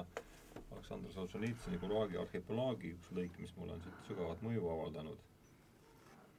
mm,. lehekülg sada kolmkümmend seitse esimesest köitest minu meelest kõlab väga hästi kaasa sellega, millega, mida me siin sotsiaalmeedias kuuleme, millest me oleme täna rääkinud ja tsitaat on ise järgmine, kõneleb siis Solženitsõn. ma arvasin enda olevat omakasu püüdmatu ja ennastsalgava. ometi olin ma täiesti valmis timukaks saama. ja kui ma oleksin Ježovi ajal NKVD kooli sattunud, võib-olla oleksin ma Beria ajal täiesti omal kohal olnud siinkohal võib raamatu kinni lüüa see lugeja, kes usub, et see kujutab endast poliitilist paljastust. kui kõik oleks nii lihtne, kui kõik ole-, kui, kui tõesti oleksid ainult õelad inimesed, kes teevad kusagil õelaid musti tegusid ning oleks ainult vaja nad meist, ülejäänutest lahutada ja hävitada. aga piir, mis lahutab head kurjast, läheb läbi iga, läheb läbi igaühe südamest. ja kes on valmis hävitama osakest omaenda südamest? kuni üks süda elab, liigub see piir temas, kord lõhub, kord rõhub peale rõõmutsev kurjus, kord annab see ruumi koitvale headusele. üks ja seesama inimene on eri eas, eri eluseikades hoopis erisugune. vahel on ta lähedane saa-, vahel on ta lähedal saatanale ja vahel ka pühakule. ainult nimi ei muutu ja selle arvele läheb kõik. Sokrates on meile öelnud, tunne iseennast ning augu ees, mille, millesse me oleme juba valmis tõukama meile ülekohtut, ülekohtut teinud, jääme, jääme me jahmatuses seisma. see on ju vaid juhtunud nõnda, et timukad olid nemad ja mitte meie. et äh, ma arvan, et see on ka üks äh, me oleme, eriti siin Rauli jutust algusest oli välja, et miks, miks see raamat on siia sattunud, et ja, ja noh, määrib võib-olla ka ülekordamist, et minu jaoks kogu ja, ja selle saate üldse, kogu see saate kontseptsioon ja mõte, saatesarja kontse-, tähendab, saatesarja kontseptsioon ja mõte ju lähtub suuresti sellest ja ka pealkiri lähtub Jordan Petersoni äh, samanimelisest raamatust äh, Tähenduse teejuhid ja ja selle taust on siis see, et ta, et ta on aast-, kümmekond aastat kauemgi pidanud siis Toronto ülikoolis samanimelist kursust ja, ja, ja, ja ta on siis pidevalt rõhutanud seda,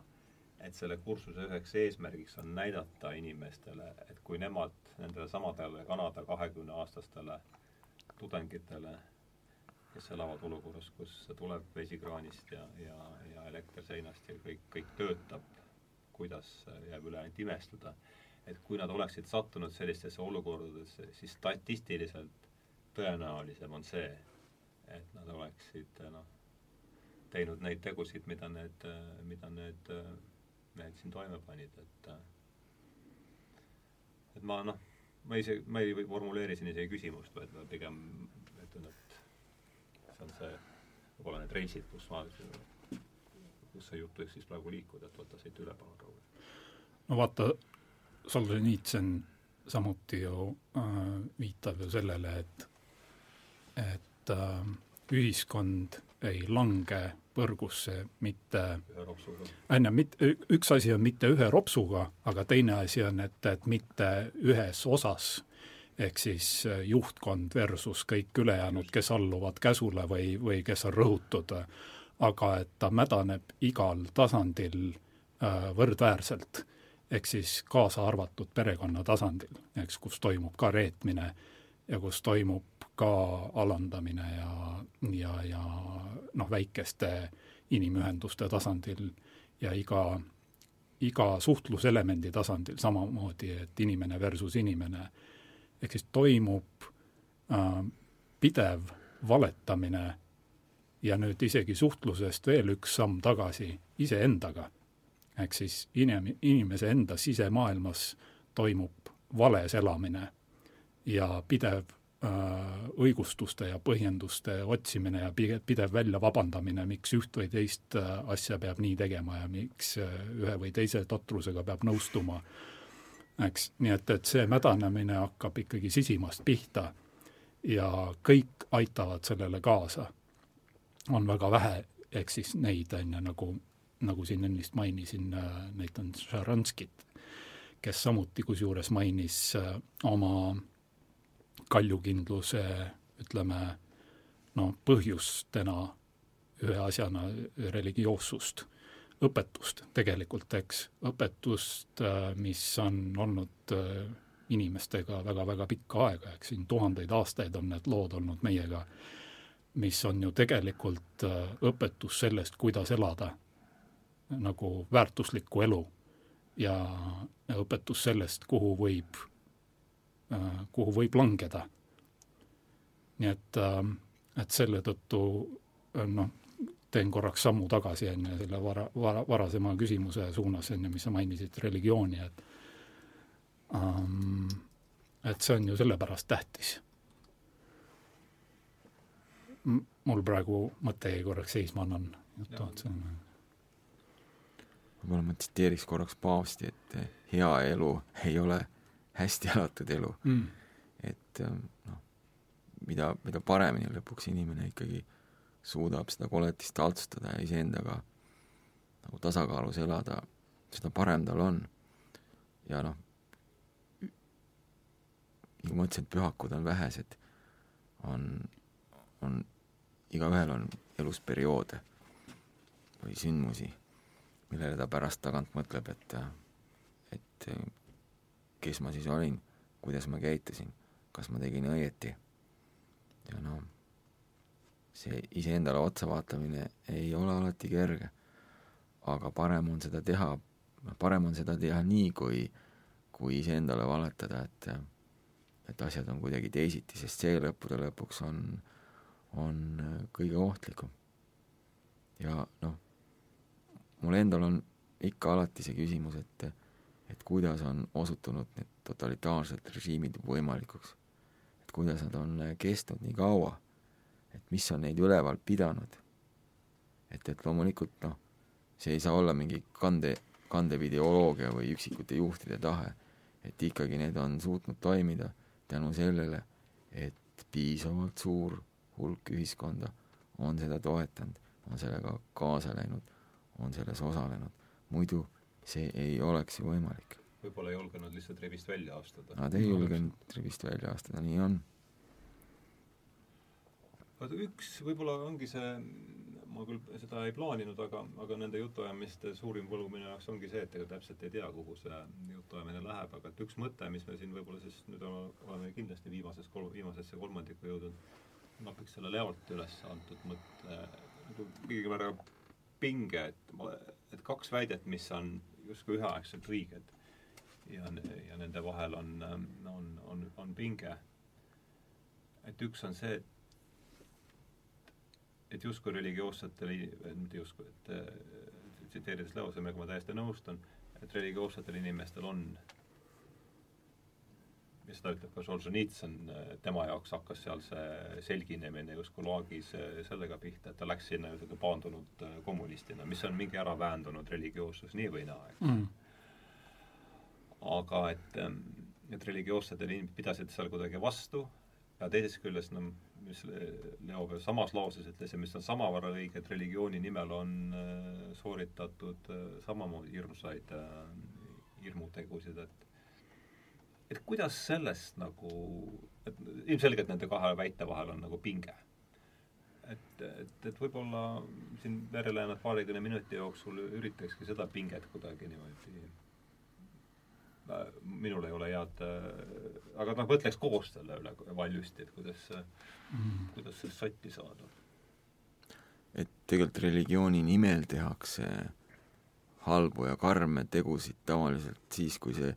religioon institutsioneerub. Mm.. just, ja me satume sellesse ja me satume siit, selle, see on samasugune masin nagu see pataljon sada üks, kes oli osa suuremast masinast, et et ma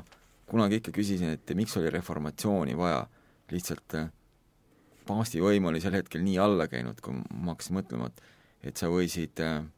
osta kirikliku ametikoha, maksid mingi raha ja said mingi piiskopi koha näiteks ja kogusid siis raha omakorda. Või sa võid, võisid osta patukustutuskirja, et tegid, oli hinnakiri, et tapmise eest nii palju ja mingi varguse eest nii palju ja nii edasi mm. ja siis see noh, loomulikult, et kui, kui insti-, kiriku institutsioon kiidab millegi sellise heaks, siis siis selles mõttes noh, noh see, see ei saa ju normaalselt toimida. noh, rääkimata sellest näiteks noh, tänapäeval, mis toimub, et et kas või, kas või islami äärmuslaste või poliitilise islami nagu, nagu tegutsemisest lihtsalt religiooni nimel, et et nii-öelda see nagu ususõda, et et, et siin nagu tõesti, et siin on, siin on suur vastuolu, aga kui me räägime, et kuidas religioon võib aidata, siis see on tegelikult mitte see institutsiooniline religioon, vaid see usk, mis igal inimesel on enda sees ja milleni ta on ise jõudnud, ükskõik kas siis mingi välise abiga, pühakirja abiga või siis ise mingil muul moel oma elukogemuste läbi et see on see usk, mis hoiab nagu inimest püsti. institutsionaalne usk, noh, võib seda aidata teha, aga mõnikord võib see ka pöörduda kõige vastu, kui seal institutsioonis saavad, nii nagu mis tahes hierarhilises organisatsioonis, kui võimule saavad inimesed, noh siis nad valivad ju alluvaid enda järgi, et näiteks kui mingi piiskop, kui nüüd on üleval see põhimõtteliselt pedofiilia skandaalid katoliku kirikus, see tähendab ju seda, et seal on mingid pedofiilid pääsenud nagu võimule ja korjanud sinna samasuguseid endasuguseid või lasknud neil tegutseda ja see on korrumpeerunud ja rikkunud nagu kogu institutsiooni, mida siis on vaja puhastada. miks ka omal ajal, omal ajal ju reformatsioon toimus, et nüüd on sisuliselt nagu sama protsess.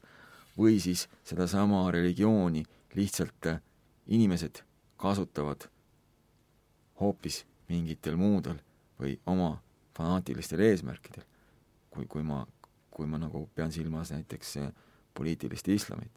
et et, et siin on, ma teen nendel kahel asjal vahet, et mm, -hmm. et mis aitab ja mis võib aidata, aga mis võib selle institutsiooni nii-öelda negatiivsel,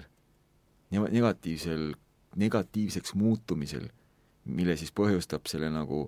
nagu juhtide lihtsalt negatiivne olemus ja, ja, ja negatiivne juhtimine, et siis see võib tuua hoopis kahju. Ja noh, ajaloos on ju sellest, selleks nagu näiteid, mida ma ka nüüd tõin nagu viimasest ajast. ja mul on ka raske nagu selle kohta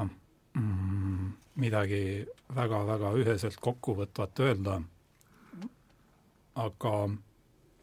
ma võtan sellest sõnasabast kinni, mis sa just tõid üles, ehk siis institutsionaalsus kui selline. ja võib-olla see on palju laiem Äh, kui, äh, kui ükstapuha mis äh, noh, eraldi võetava nähtuse puhul, olgu see siis, olgu see siis riik või armee või, või religioosne institutsioon, inimesed paratamatult toimetavad organisee-, noh, organiseerudes ütleme, et, et inimesed võtavad min-, midagi ette ja siis nad toimetavad koos ja selle toimetamise käigus paratamatult tekib ka hierarhia ja siin nüüd avaldubki üks nendest nüanssidest, eks ole, mida Peterson toob esile, eks siis kõik sisimast tulevad teemonid, eks, kes, kes hakkavad avalduma inimese käitumises. Nii et, et see on ka võib-olla põhjus, miks äh, institutsioonidel on äh, sisse kirjutatud, jutumärkides sisse kirjutatud omadus muutuda jäikadeks, muutuda korrumpeerunuks ja veel enne, kui me saime siin äh, ähm, saate avatud või mikrofoni sisse lülitatud, siis tuli meil siin ette üks äh, nimi, Odilo Globotšnik, eks ole, sellest äh, Ähm, äh, politseijõududest, eks, kes kes võib-olla iseloomustas väga hästi seda, seda nähtust, ehk siis korrumpeerunud ametnik, kes oli kõrgel kohal äh, ja keda siis noh, kuna ta oli Himmleri semu, eks ole, keda siis solgutati ühest kohast, kuna ta Austria partei juhatusest sai saabast, siis ta asus teise kohta sinna kuhugi Lublini distrikti, selle distrikti, ma ütlen nüüd juba ingliskeelse laenu, et et sinna piirkonda hoopiski järgmist äh, sellist äh, noh, organisatsiooni osa või institutsiooni rakukest juhendama, on ju, kasutades äh, ära sellesamuse inimühenduse või, või siis institutsiooni võimalusi, eks, ja, ja, ja see on nagu selline universaalne printsiip, et vahet pole, ju, kas sa oled lõpuks äh, mingisuguse Saksa politseiüksuse sees või, või sa oled siis kiriku institutsioonis, eks, et mõlemal puhul avaldub inimese äh, soov teha karjääri kasutada ära võimalusi. rivi on mõlemal eks, pool olemas. rivi on mõlemal pool olemas, on ju, ja ühtlasi ka teemonid on mõlemal pool olemas, nii et, et kuna nad avalduvad erinevas vormis, siis me ei kipu nägema seda ühe, ühel puhul ja me näeme seda teisel puhul, on ju, sest et noh, et kõik oleme kokku leppinud, et, et kui on tegemist natsivormiga, on ju, siis on asi paha, eks. aga et kui on nüüd võib-olla asi natukene teistmoodi vormistatud, eks, siis äh,, siis me nagu ei näe probleem olemuslikult. aga probleem olemuslikult on täpselt seesama, nii et, et võib-olla see on, võib-olla see on just see võti, et äh, nende struktuuride olemus on selline, et ta on selline paratamatult ja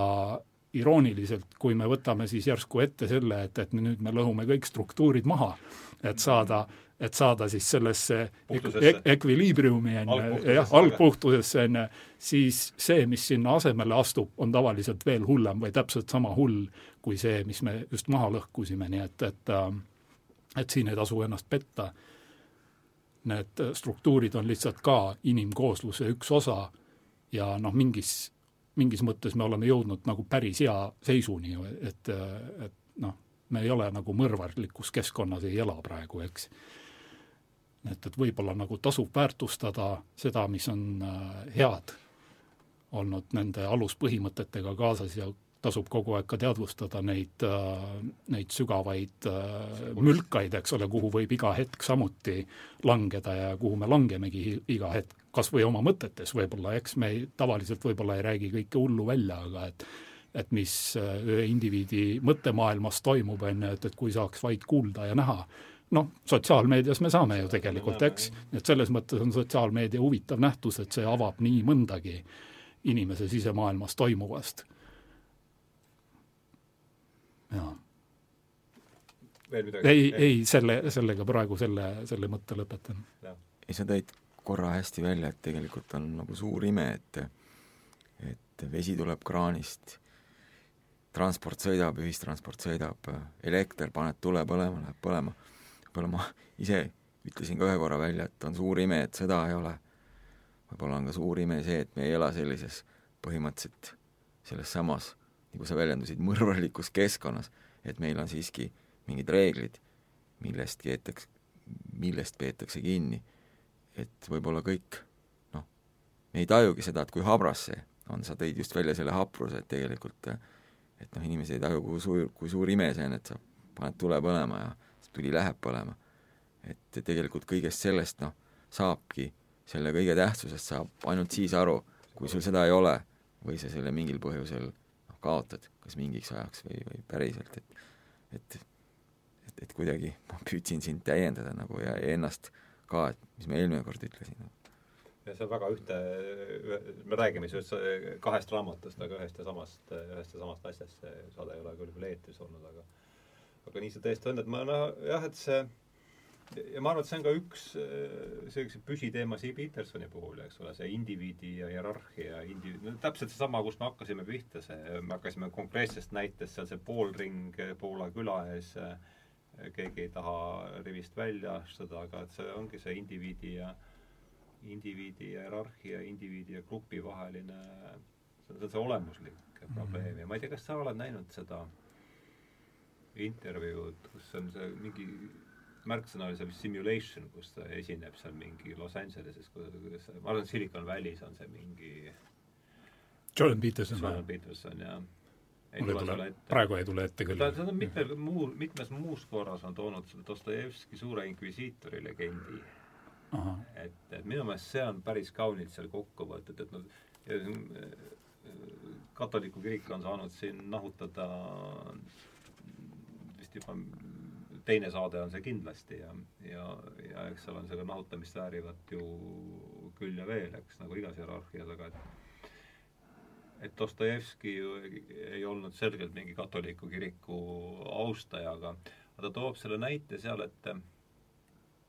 suure inkvisiitori legendi sisu on, eks ole, see, et Kristus tuleb siis äh, teistkordselt maa peale äh, just selle, selle tipus äh, nende inkvisitsiooni tipus ja, ja, ja siis suur inkvisiitor äh, räägib temaga üksi, Jeesus ei ütle seal ühtegi sõna, aga, aga kui ta läheb äh, siis sealt välja äh,, siis ta jätab ukse lahti. selle, see inkvisiitor äh, ja, ja seda ta võtab nagu ilusti kokku sellega, et äh, minu arust see näitlikustab seda põhimõtet, et, et, et noh, jah, et loo-, iga organisatsiooni sisse on kirjutatud see korrump-,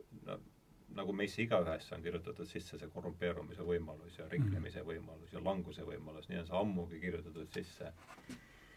siis igasse, igasse organisatsiooni, aga et on suur vahe, et kas sa jätad selle ukse avatuks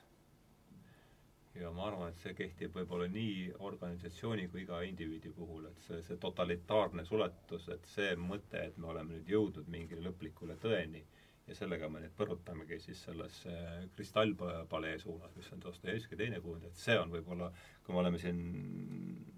Leo just äsja siin paar, mõne, mõne kümmekond minutit tagasi küsis, et mis on, mis on see, mis hoiab seda totalitaarset re režiimi või mis on selle vundament ja ma arvangi see, et see, et see uks pannakse kinni et, et nüüd ongi, kristallpalee on valmis, plaan selle tegemiseks on olemas ja nüüd me ehitamegi ta üles ja, ja me, ja me paneme selle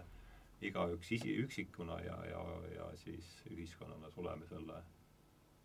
noh, sisuliselt uue teadmise ja korrigeerimisvõimaluse ees ukse, ma ei tea, kui viskan lihtsalt sellise väite üles, et et mis te komment-, kommentaarid selle kohta ähm,. mul tuleb seo-, sellega seoses jällegi Frankl meelde, siin ta, no tema on koonduslaagris, tema ümber inimesi tapetakse, piinatakse, sureb neid enne maha hulkades enne äh, ja ometigi äh, just selles olukorras ta nagu hakkab küsitlema äh, tähenduse üle, on ju, isegi, isegi ei ütleks elu mõtte, aga ta räägib just tähendusest ja lõpus ka, lõpus ka kirjeldab, et, et, et põhjus, miks tema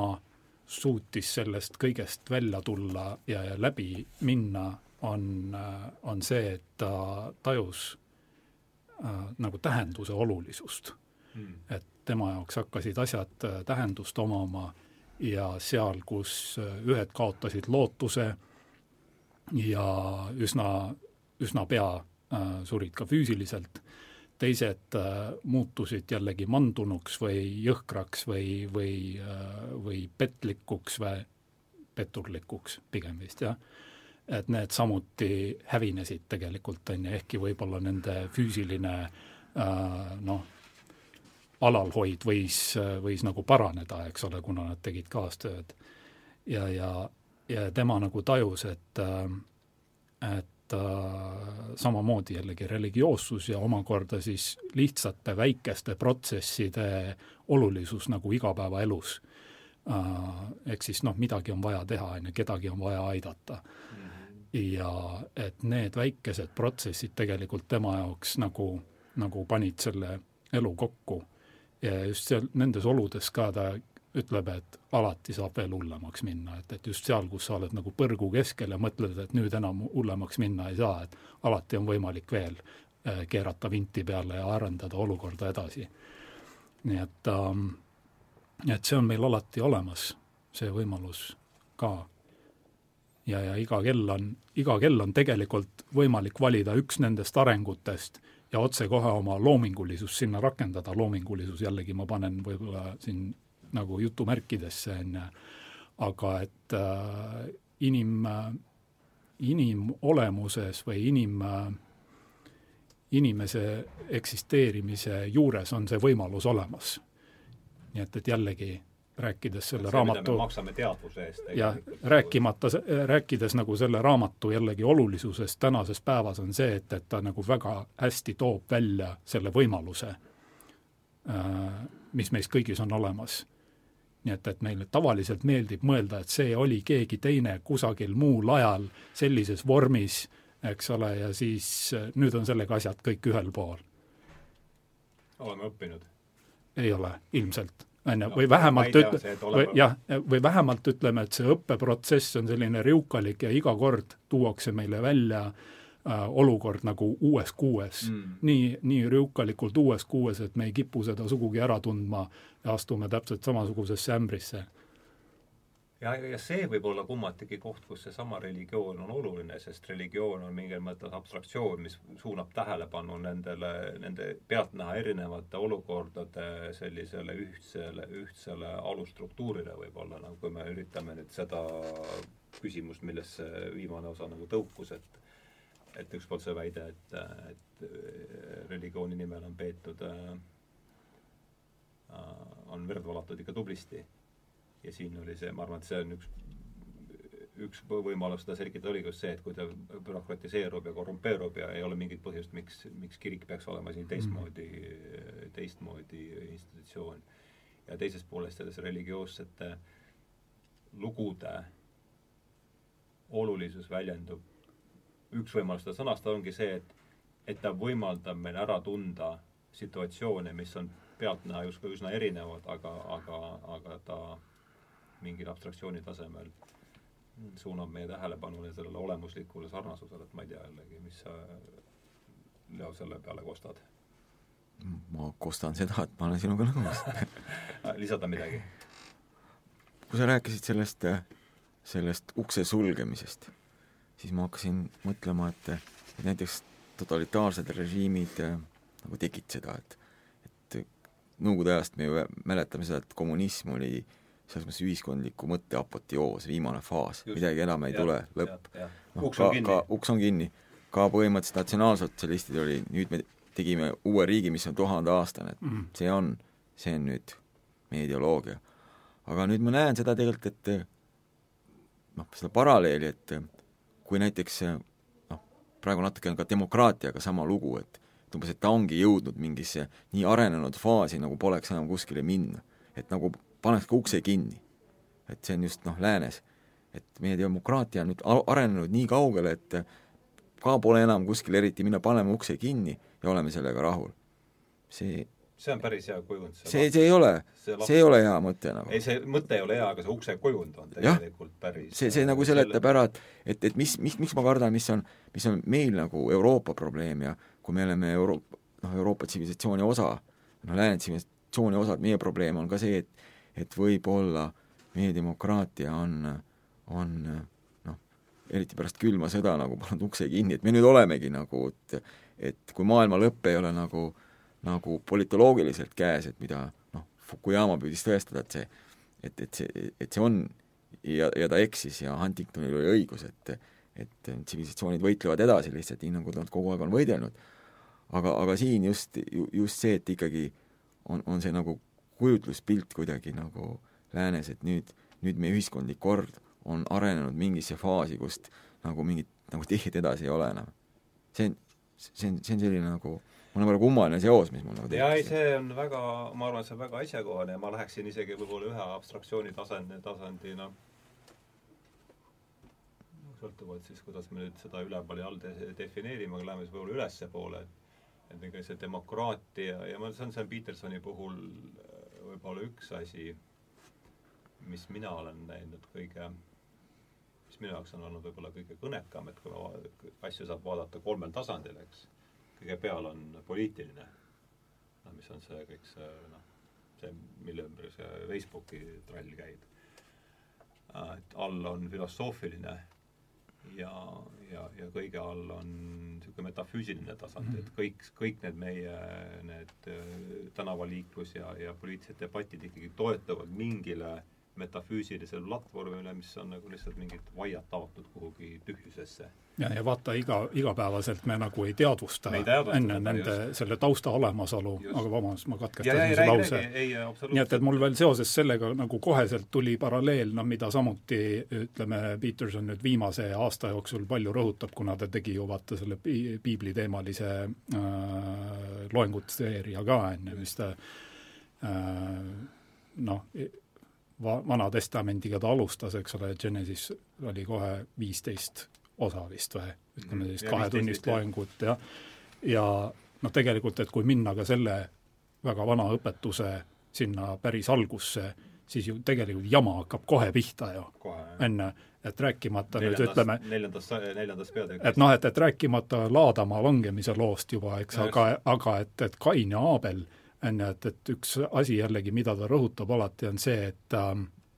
Peterson ma räägin, on see, et ähm, ma olen haavatav, eks, ma tean, et ma võin haiget saada, ma olen kogenud valu ja nüüd tänu sellele tean ma, ma tean, kuidas seda teistele põhjustada, on ju. ja siin on ainult juba loomingulisuse küsimus, eks, et, et ainult äh,, ainult fantaasia küsimus, kui kaugele ma võin oma asju improviseerida ja arendada ja selles suhtes ongi siin religioosne õpetus äh, väga tähtis äh, ja, ja selle alal hoidmine või, või selle meeles pidamine ja teadvustamine, ütleme, meie ühiskonna ühe alustalana ka või noh, meie inimkoosluse, ütleme niiviisi läänes, äh, ühe alustalana, et, et seal on tegelikult need õpetused olemas. seal on need meeldetuletused olemas väga-väga sügaval tasandil ja väga hästi äh, ja, ja väga väga kontsentreeritult kirjeldatud, väga, väga nagu jah, ütleme väga puhastatuna kokku võetult, eks, mis annavad meile teada nendest võimalustest. ainuüksi sellepärast on juba see oluline, et, et kui, kui sul on selline meeldetuletus olemas, sul on igapäevaselt ka meeldetuletus olemas selle kohta, kuhu, kuhu astumine on nagu halb mõte. eks nii, et hästi öeldud, kuhu astumine on halb mõte. mõnesse kohta lihtsalt on parem mitte astuda, sest sealt välja ronimine on üpris palju raskem. Ja, ja ma arvan, et see, noh, see on hoopis teise saate teema, aga, aga, aga kuivõrd see jutuajamine meid sinna vedas, et siis see on ikka ülioluline, kui me nüüd e-, eraldame need kolme tasandit, poliitiline, filosoofiline, metafüüsiline, et see igal tasandil oleks uks, uks lahti, et et kui sellel kõige alumisel tasandil me arv-, või siis ütleme, justkui kõrgema abstraktsiooni tasandil, aga, aga teisipidi jälle see, see, see vundament. vundamendi poolest jah, kõige, kõige baas, jah. Et kui me seal ukse sulgeme ja arvame, et see süsteem on põhjuslikult suletud, äh, siis äh, noh, ma arvan, siis võib-olla see, mida see tigedus ja, ja, ja, ja, ja, ja ärrituvus, mida me näeme sellel peamisel poliitilisel tasandil, see võib olla nende nende kahe vahe võib olla palju tihedam kui, või, või nagu otsesem, kui me oskame endale ette kujutada, aga veel kord, see on meil juba järgmiste saadete teemadena. ei no vaata, ükstapuha, kui, kui palju sa ei pane mingisuguseid lukke ja, ja riive ette, on ju, et sa ei saa öö, olemuses olevaid tendentse olematuks muuta, on ju, sa võid neid alla suruda, sa võid neid ümber sõnastada äh,, aga need on ju sellegipoolest endiselt olemas, on ju, nii et, et igasugune selline äh, enesele valetamine selles mõttes on ju see ukse sulgemine, eks. Nii et, et niipea, kui selline protsess toimub, arengud kestavad ju edasi, eks, aga nüüd nad hakkavad paisuma ja nüüd nad hakkavad surve alla minema. nii et, et tulemus on vastavalt sellele plahvatuslikum otsekohe. jah, see on üks väga ilus kujund, samad mõtlejad, keda me oleme siin koos, Mark Stein, vaata, eks. ma, ma ei tea temast. sina ei tea teda või? Mhm. okei. Tema on öelnud hästi jah, et kui mu kodukohas Connecticut, kui mu kodukohas Connecticuti jõgi talvel jäätub, et ega siis vesi ei jää seal all seisma. et see voolab edasi ja, ja kui ta ei voola sinu poolt, et siis ta voolab. Ja just noh, et rääkides totalitaarsetest režiimidest, ju, siis siis äh, just võib-olla see ongi äh, noh, sa mainisid siin enne uksekujundit ja, ja seda, et palee on valmis ja aga et kui vaatad, et noh, et, et kui sellest kujundist nagu edasi minna ja vaadata, mis praktiliselt toimub, eks, siis mingi osa loomulikkusest pannakse kinni või, või seda eitatakse, eks, mis on ka iseenesest sulgemise protsess või allasurumise protsess ja siis hakkavad protsessid enne hoopis teistmoodi arenema ja tavaliselt nad lähevad noh, varem või hiljem siis mõrvarlikuks, eks. aga et, et veelgi hullem, ütleme seal kõikvõimalikest füüsilistest konfliktidest ja sõdadest on tavaliselt see, mis inimese hingega toimub. Ja noh, seda, seda on nagu, noh, millega sa seda korvad eks seda põhimõtteliselt ei ole võimalik korvata, nii et, et kui terve ühiskond hakkab selliselt mädanema, siis kui, kui pikka aega on vaja selle nagu ravitsemiseks või, või, või selle, selle ja mis on selle hind? on ju, jah. Selleks, et see välja pesta siis või et see on paratamatult meiega kaasas, ütleme, ja noh, selle selle ravitsemisega on ka samamoodi nagu jällegi teisegi totalitaarse äh, Ähm, mehhanismiga, et, et kui seda hakata jällegi kunstlikult ja institutsionaalselt teostama, siis me oleme tegelikult samas ämbris. on ju, et, et meil on jõle hea siht, eks ole, me tahame moal, maailma jälle paremaks muuta, me tahame ühiskonda ideaalseks muuta, aga märkamatult me oleme rakendanud samasuguse mehhanismi, jällegi väikese institutsiooni, mis hakkab otsekohe suureks kasvama ja me rakendame neid samuseid, alates Aadama langemisest ja Kaini Aabeli loost pärit äh, printsiipe ka selles mehhanismis ju. Et ega need ei ole sellepärast kuhugi kadunud, nii et sellepärast on neid õpetusi hea hoida meeles. jah, lisada midagi? nii on nii on, et mõne asja peale siin on meeldiv vestlusring, et kui sa saad mõne asja peale lihtsalt öelda, et mm, et see on piisavalt hästi öeldud, et seda ei ole nagu vaja täpsustada või täiendada, et, et siin on see, see põhimõte. Ja ei, oli tõesti jällegi no ütleme jah, et äh, Rauli kuulates ja kõike seda ja, ja, ja täitsa ka nõus ja, ja, ja, ja andis endale mõtet juurde ka, et noh, ma usun, et me keegi ei võib-olla, no eks meil kõigil on erinevad filtrid ja me näeme erinevaid asju, aga ma arvan, et et kui ma ütlen, et see elu, meie elukorraldus liigub järjest suurema sellise bürokratiseerituse suunas, siis selle vastu on meil, ma ei tea, kuidas, kas keegi su-, kas kumbki teist tahaks nagu öelda, et see ei ole niimoodi, et ma näen valesti asju? nüüd on minu kord öelda, et nii on. No on ju nii, eks, et igal pool ja, ja sellel on äh, tõsise, palju tõsisemad ohud, kui me oskame endale ette kujutada, ma arvan, ma ei tea, kas see on ei no vaata, need kui ohud hakkame nüüd, kui me nüüd hakkame asju nüüd no. koomale tõmbama vaikselt siin, et mis Need ohud ongi sellepärast nii suured, et, äh, et äh, rüü on teistsugune. just, ja me ei tunne ära seda. et nüüd, nüüd vaata, kuna ei ole Aakristi käesidet, eks ole, või noh, meie, meie mälus olevat, ütleme, NKVD-lase võib-olla pintsakut, eks ole, et siis me ei tunne selles nii-öelda selles nunnus rüüs ära seda samasugust äh, alus äh,, alus noh ähm,, impulssi, eks, seda, seda mäda alusimpulssi äh,, mis äh, paljuneb täpselt samamoodi, mis areneb täpselt samasugustele printsiipidele tuginedes. ja viib meid sinnasamasse kus... tegelikult, eks, põhimõtteliselt viib sinnasamasse, jah, ehkki vorm on hoopis teistsugune, aga printsiibid on ju uljad. Või, või tähendab üllad, vabandust, enne, aga printsiibid olid ka üllad enne, et, et jällegi mulle meeldib nagu selles mõttes äh, mm, Victor Davis Hansonit meelde tuletada, on ju, kes on nüüd ütleme, Californias resideeruv sõjaajaloolane ja, ja noh, ühiskonnategelane äh,. tema äh, tihti mm, tuletab meelde seda, et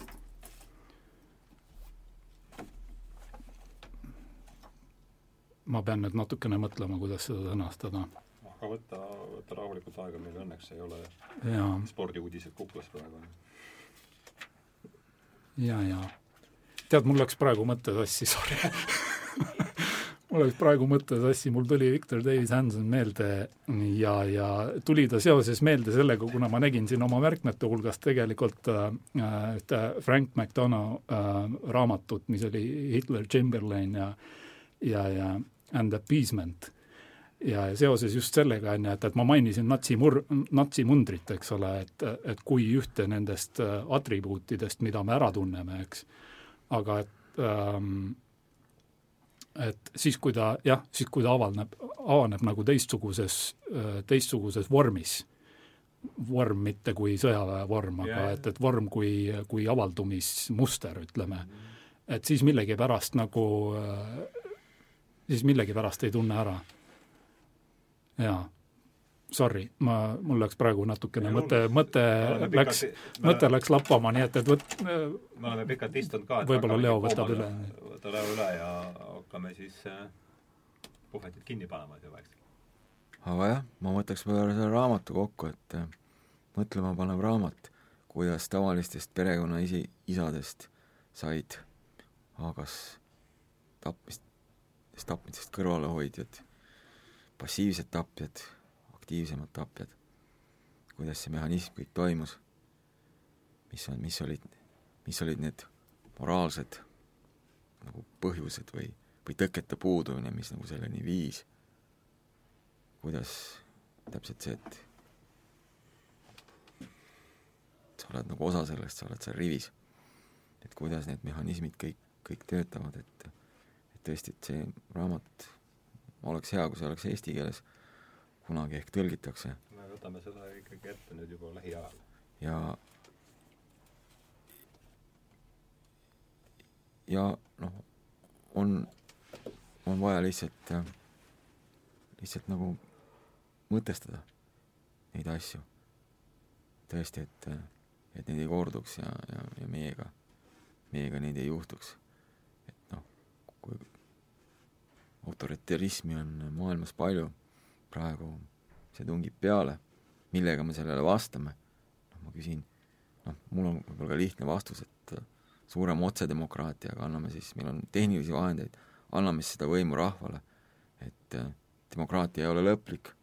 selles mõttes, et et noh, me teeks samasuguse vea, nagu need totalitaarsed režiimid tegid, kui me sulgeks ukse ja ütleks, et et meie ühiskonnal ei ole kuskil areneda, sest siis hakkavad need pinged kuhjuma mida te, tegelikult on ka nagu näha, et et need pinged, pinged nagu noh, meie tsivilisatsiooni sees siin, siin Euroopas, Ameerikas, Eestis, et need, need kuhjuvad. et, et kus on see väljapääs? seda me siin otsime ja see oligi üks, ka üks katse seda siin otsida. Hiljuti tegime siin seltsist väikese sellise tutvustava videoklipi ja seal ma ütlesin välja ulja, mitte uljaväe, see ei ole mingi uljaväite, see on, ütleme nii, ma sedastasin ilmselge tõe, et põrgu on olemas. selle kohta on äh,, selle kohta on tõend siin, selle kohta on tõend siin ja selle kohta on tõend. Ja, ja, ja, ja mulle väga meeldib üks, kaks Petersoni lauset seoses põrguga. et punkt üks, et see on reaalne psühhogeograafiline piirkond, et see ei ole see, milleni me jõuame tingimata nüüd labidaga, et ei maksa kohe kaevama ja otsima hakata ja, ja kui ei ole kilomeetri pärast kätte tulnud, et siis järelikult ei olegi. et see on just nimelt psühhogeograafiline piirkond. ja teiseks see, et nagu Rauli sõnades käis läbi või ütles, et, et see on, see on põhjatu auk jällegi samas, et, et ükskõik kui hull see olukord on, et alati võib mingi sõgetõbras seda teha veel sada korda hullemaks, sest see on just nimelt, et meil on see teadvus ja ettekujutus enda haavatavusest ja seeläbi ka teadus, kuidas äh, teistele haiget teha. see on paraku olemas ja, ja on kahju, et ma ei jõudnud seda, ma noh, väga lootsin, et ma jõuan selle raamatu saateks läbi lugeda. Ma ei jõudnud seda ja selle eest ma teen endale häbi aga ma loen siis ette lõigu raamatust lõpetuseks, mida ma olen lugenud ja Solženitsõnit, kolmanda peatüki algus, juurdlus. kasulik meelde tuletada, ma arvan, meie tänastes oludes. kui Tšehhovi intelligentidele, kes aina murdsid pead, mis saab olema kahe, kolmekümne, neljakümne, kahe, kolme, neljakümne aasta pärast, oleks öeldud, et neljakümne aasta pärast piinatakse Venemaal inimesi ülekuulamisel, pigistatakse pead raudvõruga, pistetakse, pistetakse happega täidetud vanni, piinatakse alasti ja kinni seotud vangi sipelgate ja lutikatega, aetakse priimusel kummutatud püssivaras, püssivaras pärakusse, seda nimetada, nimetasin neid salamärgiks. Lömastatakse saapaga aeglaselt suguelundeid. kõige kergemaks liigiks on aga nädalate kaupa piinamine magamatuse ning januga ja verelihale peksmine. Poleks mitte ükski Tšehhovi näidend jõudnud lõpule, sest kõik tegelased oleks viidud hullumaile. nii et äh, praegu me veel äh, hullumajas äh, ei ole ja ei ole ka ja, ja oleme väga kaugel põrgust ja ma arvan, et et kui on milleski, milles me üldse võiks kokku leppida, et siis võib-olla selles, et sinna ei maksa nagu väga niimoodi suure kaviolaiga nüüd plaginaga ka kippuda, ma arvan, et ma mõtlen, meie selles oleme selles kindlasti ühel nõul, aga et, et kui me siin üldse mingit ühist nimetajat otsime, et siis noh, sinna vist keegi ei taha nagu väga minna, välja arvatud mõned üksikud entusiastid, kes on nii kõigest nii pettunud, et tahavad sinna minna ise ja, ja kõik teised ka kaasa võtta. aga ma tänan teid, oli väga vahva teie seltsis tõesti täna, teema ei olnud väga rõõmus äh,, aga seda vajalikum, me rääkisime siis äh,, põhjus, miks me täna kokku saime, tähenduse teejuhtide kahekümne esimeses saates oli Christopher Browningi raamat Ordinary Men ja minu vestluspartneriteks olid äh, Leo Kunnas ja Raul Sööt. mina olen saatejuht Ardo Pajula ja tänan teid kuulamast. järgmise korrani. aitäh teile! tänan kutsumast! aitäh! tänan tulemast!